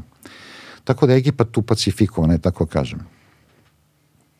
Međutim, problem palestinaca je naravno ostao Onda su bili, u to doba su bile razne terorističke akcije od palestinske organizacije.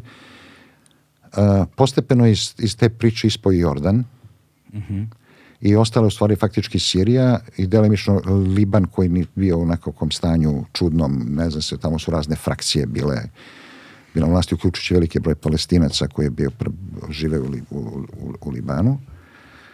I tako postepeno onda Amerika se više podržavala Izrael zbog potiskivanja Sovjetskog saveza, I onda to preraslo u, u, u, u jedan tip priče. Ali je to dobilo svoju unutrašnju dinamiku. Tu unutrašnju dinamiku zato što stvoren izraelski lobby u Americi u tim godinama. Mm -hmm. Jel tu govorimo o IPEC-u? Govorimo o IPEC-u, da, to je uh, lobby grupa uh, proizraelska. Šta znači IPEC? Uh, American Israeli Political Action Committee. Okay i uh, oni imaju ogromna sredstva i namerno kažem da je to proizraelski, to nije projevrejski lobi, to je proizraelski lobi. Dakle, da, nacionalistički. Za podršku Izraelu. Okay. I, u, u, ajde kažem, ako u sjednim državama uh, jedna trećina jevreja uh, su indiferentna prema celom tom problemu. Živo u Americi jedno im je. Mislim, daleko su i realno ih nije briga, nisu mnogo integrisani u tu celu priču jedna trećina jevreja je protiv Netanjahova i cele te priče da jedan, jedna zemlja njihova, njihova iz njihovog, njihova na neki način, po identitetu je u ratnom stanju 60-70 godina već koliko. Hmm. I ovaj, da 60 godina je, je, je u, u tom ratu i da tu nekakav mir mora se sklopi, da je to uh, kontraproduktivna politika, znači protiv, ajde da kažem, jastrebova u Izraelu. Mm -hmm. Jedna trećina ih podržava aj tako kažem. Ali ostali ih podržavaju, znači mnogi evangelisti, hrišćani za Izrael podržavaju to sa svih nekih drugih motiva, od koji su neki duboko religiozni, a neki, ja kažem, duboko religiozni na način koji ih čini iracionalno sektaškim. Mm -hmm. Naprimer, da će u, kod jednog broja evangelista postoji ta ideja da će konačni obračun sila i zla i dobra kod Armagedona biti na Bliskom istoku, da to tamo treba da se desi i da će to dovesti do ponovog vraćanja Hrista na zemlju, do oživljavanja mrtvih i do sudnjeg dana.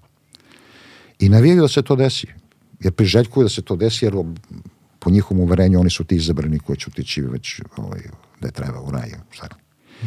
Tako da ima jedan broj evangelista koji, koji to podržavaju iz religioznih razloga, i taj IPEC skuplja novac u svih i onda finansira razno razne predizborne aktivnosti kongresmena, jer je takav, kao što znamo, vrlo je, vrlo je netransparentna suštinski a, politika finansiranja kampanja i stranaka, odnosno ima raznih, sve to transparentno, ali vidi se da je to sve povezano sa nekakvim interesima na najdirektniji način, što se zaobilazi kroz neke druge forme, ali sad to nije mnogo važno da ulazimo u to.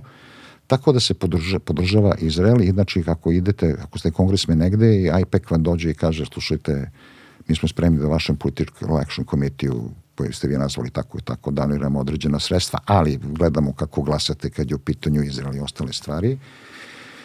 Mnogi se onda opredeljuju da za podršku Izraelu i sobstvenih nekakvih interesa i onda smo došli u jednu apsurdnu situaciju da suštinski bliskoistočnu politiku Amerike vodi Izrael.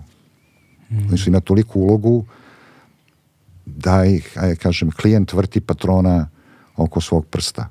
I to je izazvalo između ostalog Mersheimer i Steven Waltz sa Harvarda i čuveni ovaj John ovaj, Mersheimer koji inače bio u Beogradu pre neku godinu mm -hmm. pa sam s njim i pričao o tome o to njegove knjizi kad sam ja bio u Sjednim državama Koji knjizi? E, Izrael Lobby mm -hmm. se zove njih dvojica su to pisali ovaj uh, Steven Watt Steven, i... Steven Waltz sa Harvarda i, i Mersheimer iz Čikaga mm -hmm. Na njih su, njih su napali iz, iz petnih žila svi da su oni uh, negiraju holokaust, da su maltene nacisti, da su antijevreji, da su antisemiti, da su ovo, da su ono. Da su ljudi izdani samo upalili svetlo i pokazali šta radi IPEC i kako se vodi američka prilika, politika prema Bliskom istoku i da taj izraelski lobby u stvari vodi američku politiku, što je tačno.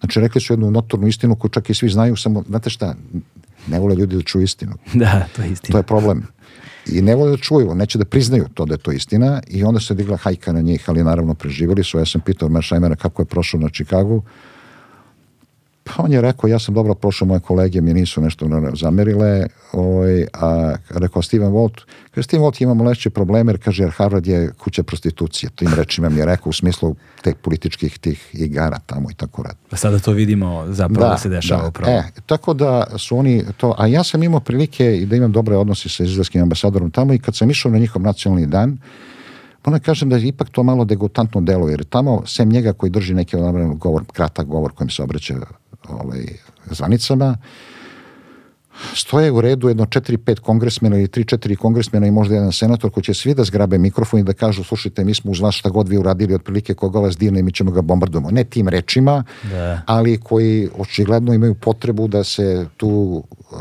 busaju u grudi kako stoje uz Izrael po svaku cenu bilo šta da se desi. Da, da. Tako da to onako malo čak i degutantno deluje, moram priznam. I onda taj Izrael lobby izazvao to, ta knjiga izazvala naravno veliku polemiku. I nažalost to je tačno.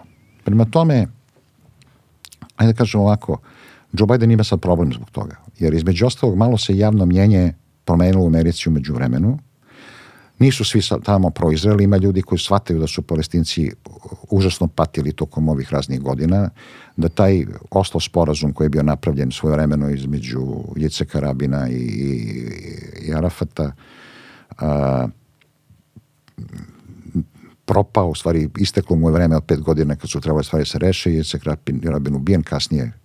Umro i Arafat. I Arafat umro ili ubijen, to je sad pitanje. Uh, i da se ušlo u tu jedan začarani krug i u stvari Izrael je sad pokušao i to je Trump inicirao faktički na neki način kroz svoje Abrahamove sporazume da se u suštini palestinci marginalizuju, da Izrael kao što je normalizovao odnose sa Egiptom i Jordanom eventualno to uradi i sa Emiratima i sada idući korak je bio Saudijska Arabija, onda samim tim palestinci dobiju manju podršku mm -hmm. i drugčije će da ta stvar izgleda. I naravno ovaj Hamasov uh, napad je to sve, uh, kako kažem, relativizovao celu tu politiku, to su i Amerikanci podržavali i sada su shvatili, shvatili smo se ponovo nazad da palestinski to pitanje, da kako ga kažem, nazovem po znacima navodno kako se to govori, mora da bude rešeno na neki način, jer ovo ne može da ide. I tu se još pokazalo i dvoličnost, ajde, kako kažem ovako, ne samo Amerike, nego zapadne politike. Ne znam, imali ste ovoga a, a, Kit, uh, Kita Stremera, ovog britanskog laboristu, tako se baš mu ime šefa laborističke stranke, svi oni koji su pričali o tome kako Ukrajini je neprihvatljivo, kako je to zločin protiv naroda ako se bombarduju civili, ako se radi ovo, ono, da ne treba, to sve treba da je međunarodni sud. Sad kad su ih pitali su reterirali, pa su rekli mi nismo pravnici, ja ne znam da se to tako definiše, ne definiše. I to je sada očigledno svima postalo da tu postoji jedan tip dvoličnosti, s tim što Evropa ima mnogo više rezervisan stav prema Izraelu nego Amerika, sem Nemaca koji iz istorijskih razloga aj kažem su prema Izraelu u jednom hendikepiranom položaju. Da. Iz očiglednih razloga koje mislim da svi znaju. Pa naravno, svi očigledno. Da. E sada, ono što su, su mi dva negde očigledna pitanja. A, prvo je ovaj, priroda ovoga što se dešava i a, napada ovaj, Izraela u, kao odgovora na Hamas. Znači Hamasov, Hamasov napad je grozan, nema ništa, ono, ni, ni, ni na koji način to ne može, ne treba da se relativizuje šta, šta je Hamas uradio. Ali odgovor ovaj, je otišao toliko daleko da mi odavno uopšte više ne govorimo o, o tome šta je Hamas uradio, nego sad imamo jedan sasvim drugi problem u rukama sa kojim hitno treba da se suoči yes. ceo svet. Yes. Ovaj, što pretpostavljam da je zahvaljujući upravo tom globalnom stanju koje je tehnologija dovela, vrši ogroman pritisak, pretpostavljam, na Izrael, a samim tim i na um, Sjedinje američke države koje stoje kao leđa tom Izraelu. Mm, naravno, naravno. I bi ostavlja se pitanje u kom trenutku će to da pukne i na koji način. Pa evo što, ja, kako ja to vidim. Amerika je, kao što sam rekao, na izvesen način taoc izraelske politike. To smo već objasnili malo pre zbog mm -hmm. čega. Mislim da je Biden pokušavao i Blinken da nekako nabede na Itanjahu, ako inače u Izraelu izgubio potpuno poverenje. On, čim se završi ovaj pucanje, on mora da ide. To je njemu jasno. On podružava sebi život kroz, kroz ovaj konflikt. Politički život. Mm -hmm. Uh, da uh, ne može da radi baš šta hoće, da, im, da apeluju na njih na razne načine i, i, i, i bilo je nekakvih izjava u tom smislu da to mora da se umeri, a ideja američkih tih nosača aviona koji su tamo poslati je bila da drži Iran pod pretnjom i druge da se u to ne mešaju, međutim u međuvremenu ono što opasno svega toga da će to se raširi. I sada kada su pucane razne mili, prvo Huti kad su pucali dole po Jemenu, tamo dole po ovim brodovima i proglasili to između ostalog da rade za palestinsku stvar, pa su onda sada neke milicije i neke paravojske počele pucaju po Amerikancima gde su smešteni u Jordanu, pa su Amerikanci sada na to odgovorili ovih dana, jel? U Iraku. Uh, ja mislim, uh, da li u Siriji, ne znam da je, mislim, gde su, gde su po, tu po, po, ovaj, mislim u Siriji. Dobro. Da su te neke od tih ispaljenih stvari na, na njihove trupe u Jordanu, da, da, da odgovaraju sada sa svojim napadima, da taj onda proces a te milicije podržava Iran. I sad je glavna opasnost je to da se raširi, da to počne Hezbollah u Libanu, da počne Iran da se aktivnije meša i to, to onda može da zapali ceo taj bliski istok. I sad cela, ide, cela napor bi trebao da ude da se to sve sastavi u neke granice, da se ozbiljno a, suoče s ovim problemom i da Izrael mora da stane s ovim načinom načinom delovanja u Gazi, pojasu Gaze. Sutra će to da bude u zapadnom zapadnoj obali, sutra će to da bude na nekim drugim mestima, doći će nekog konflikta, tako da, da se to umanji, da se ojača autoritet, ali to je teško, palestinske oslovačke organizacije i da onda se nađu neki partneri koji mogu da razgovaraju i da se eliminišu ekstremisti, ali to bi podrazumelo da se eliminišu ekstremisti iz izraelske vlade takođe. Da, da. Tako da je komplikovana ta priča, vrlo komplikovana. Bidenu to uopšte ne odgovara. Uh mhm. -huh prvo, mu, prvo već ima dovoljno konflikta u rukama, ne treba mu još jedan. Da, znači imaju treba... Ukrajinu u rukama, imaju trgovinski rad sa Kinom u rukama, je, imaju tehnološki rad sa Kinom. Znaš, sada... Nije mu to, ima probleme sa Evropom upravo zbog tih nekih svojih domaćih politika, u tim stvari ekonomije i nije mu, nije mu do toga, ni njemu, njegove administracije se sada bave time, ali moraju. Tako da mi sad imamo zapravo sukobe, ono, dakle imamo Hezbollah i imamo pretnju ula, ulaska Irana, što je da. što je dugo već ono mm. velika pretnja. A, imamo dakle da li imamo posla ono sa, sa genocidom, sa etničkim čišćenjem, ne znam, ono... Pa ajde, kažem ovako, to je sad... To su velike reči, ali opet stvari to su koje vidimo... velike reči. e, e, a Izrael je doživeo ono što nikad, verovatno nijedan jevrej nije stanio da Izrael država bude optužena za genocid zvanično. Mm. Kako će sud to da rešava je drugo pitanje. Ali sama činjenica da Južna Afrika su sudila i da ima podršku u svetu da, da ih optuži za genocid je dovoljno strašna za Izrael. Ušte nije važno kako će to da se završi. Mhm. To je već ovaj, baca užasnu senku na Izrael, pogotovo pošto iz onog genocida se Izrael i nastao. Genocida protiv vjerlijskog naroda po Evropi. Tako da mislim da to užasno. Je sad etničko čišćenje verovatno da ne ulazimo, nismo pravnici, Tako je. ali ovaj, e, aj kažemo, genocid možda ne, etničko čišćenje verovatno, ali e, ili pokušaj genetskog čišćenja, pošto to ne može, ne može, nemaju ni gde da idu. Mislim, Da. to je ovaj, priča, e, ne znam, to je jedan, jedan užasna horor priča i to će koštati mnogo para i prepostavljam da su opet Amerikanci ti koji će morati u to da ulože. Ali, pošto smo sve ovo izgovorili, a, na Bliskom istoku je situacija trenutno ova, da jedini koji mogu da, do, da nekako isforsiraju neko rešenje su Sjedinje američke države. Pitanje je da li mogu, da li hoće Mm. i pitanje je da li mogu i pitanje je kada to mogu i pitanje je da pred ovih izbora uopšte to mogu da rade. Da, sad su izbori, to je Ovaj, još jedna stvar koja je... I, i ovaj, da, ali uh, jedini koji stvarno može da pritisne aj kažemo prvo Izrael, pa posle druge su Sjedinjene američke države. Da. ali pitanje je da će da igraju tu ulogu. I, I ranije su bile u toj poziciji pa nisu ni uspele, ni, niti su možda pokušavale, niti možda u jednom momentu više nije ni bilo ni bitno, zavisi od fokusa administracije, ali evo da kažem, a, američki politički savjetnici, predsjednicima i njihovim administracijama kažu, e, samo nemojte se dirati Bliskog istoka, tu su se svi zaglibili u blatu, niko ništa nije uradio. Sem, posljednji ko uradio nešto je bio Clinton.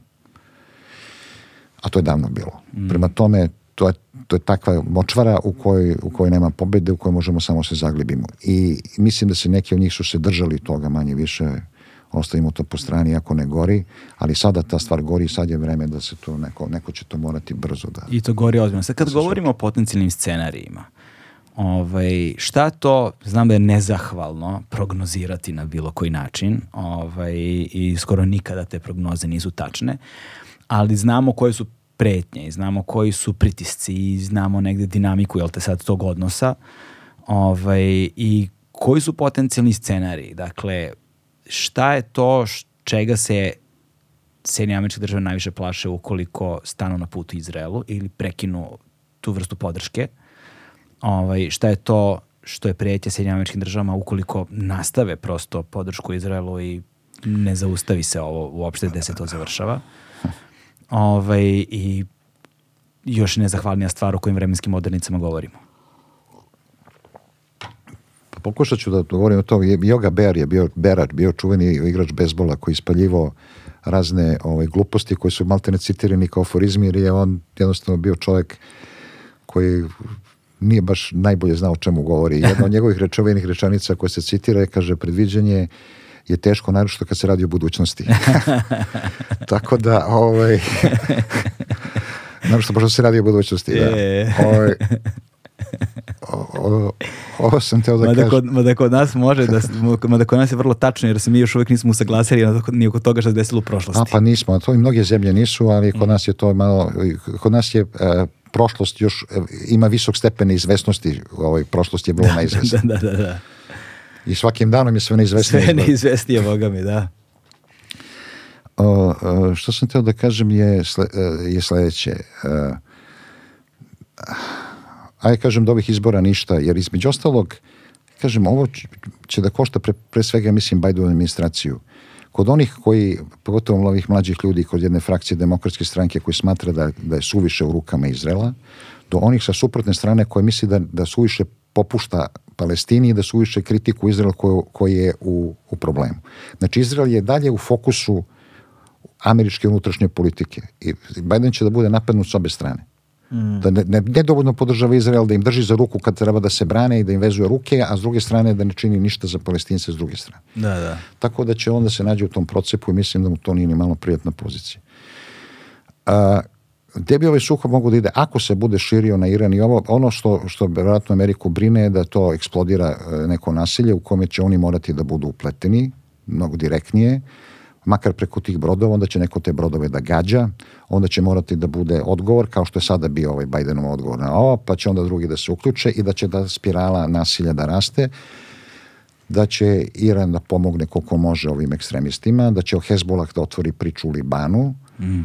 na granici s Izraelom i da će taj konflikt da eskalira. Da eskalira. To je njihov strah i da će Saudijska Arabija da kaže doviđenja, nema više stvar da pričamo s Izraelom, ovo ne dolazi u obzir i ova, Saudijska Arabija, onda do deo arapskog sveta, da će da proizvesti još veći antiamerikanizam i tako dalje. I to je to je stvar, ja mislim, koja Ameriku plaši, koja je moguća, jer a, s druge strane treba plaši svet, jer vodi eskalaciji tog sukoba, sve više mrtvih i veće razaranje i svemu u tom.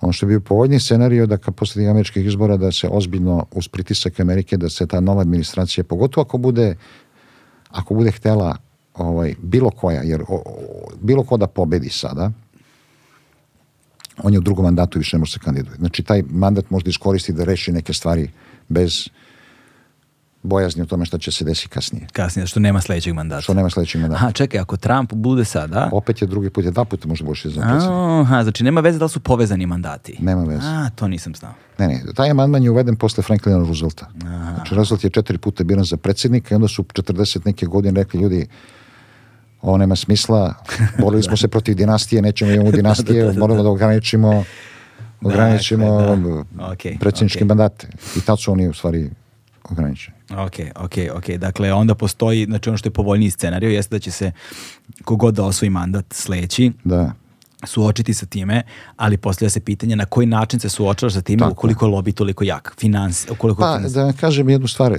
tačno je taj lobby jak, ali nije, nije aj kažem, izraelski lobby je prilično jak, naravno jak, to je vratno najjači lobby tamo. Ali, ali, on su sigurno najjači. Ali ne moraju uvek lobisti da pobeđuju. Pa da. Ne moraju. Ne Pa moraju. samo me Nije zanima to- koja je cena. Pa kako vam kažem, Mislim, čim se oni ne usuđuju to ovoliko dugo da urade, bez obzira na eskaliranje situacije, sigurno je neka cena. Pa Tu. htio sam kažem, pazite, taj se, eh, eh, ta kriza je toliko dugoročna, da imala periode relativnog stabilnosti i mira u smislu nije bilo pucanja i, i dugi niz godina. Znači, eh, nekako je to bilo ostavljeno po strani i stvari su išli svom kotečom, ali kada eskalira, onda neko to mora da rešava. I sad u tom rešavanju može i deblji kraj da izvuče izraelski lobby ako bude insistirao na nečemu što, što administracija uh, gura kao trajno rešenje. Jer administracija će gledati da pokaže da su sposobni da naprave trajni mir negde kod drugi nisu i da će upere prst na, na taj izraelski lobby da je to stvari, bio, da stvari prepreka miru. Mislim, ima raznih načina na koji to može da se, da se rešava uh, u smislu političke komunikacije, ali uh, nije, neće biti lako u svakom slučaju. Da, koja je verovatnoća da se Netanjahu skine?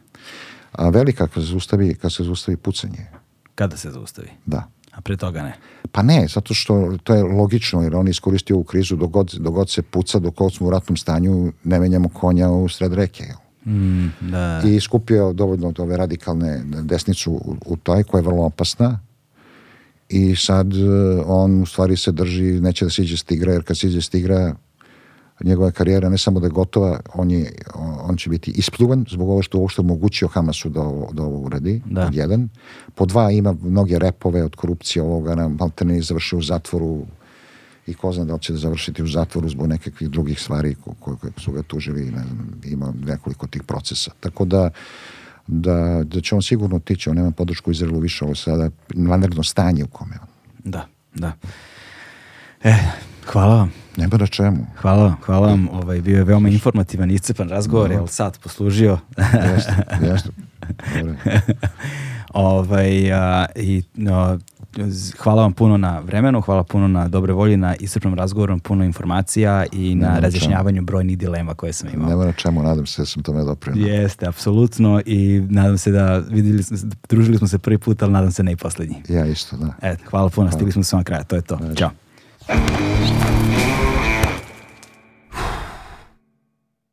Hmm.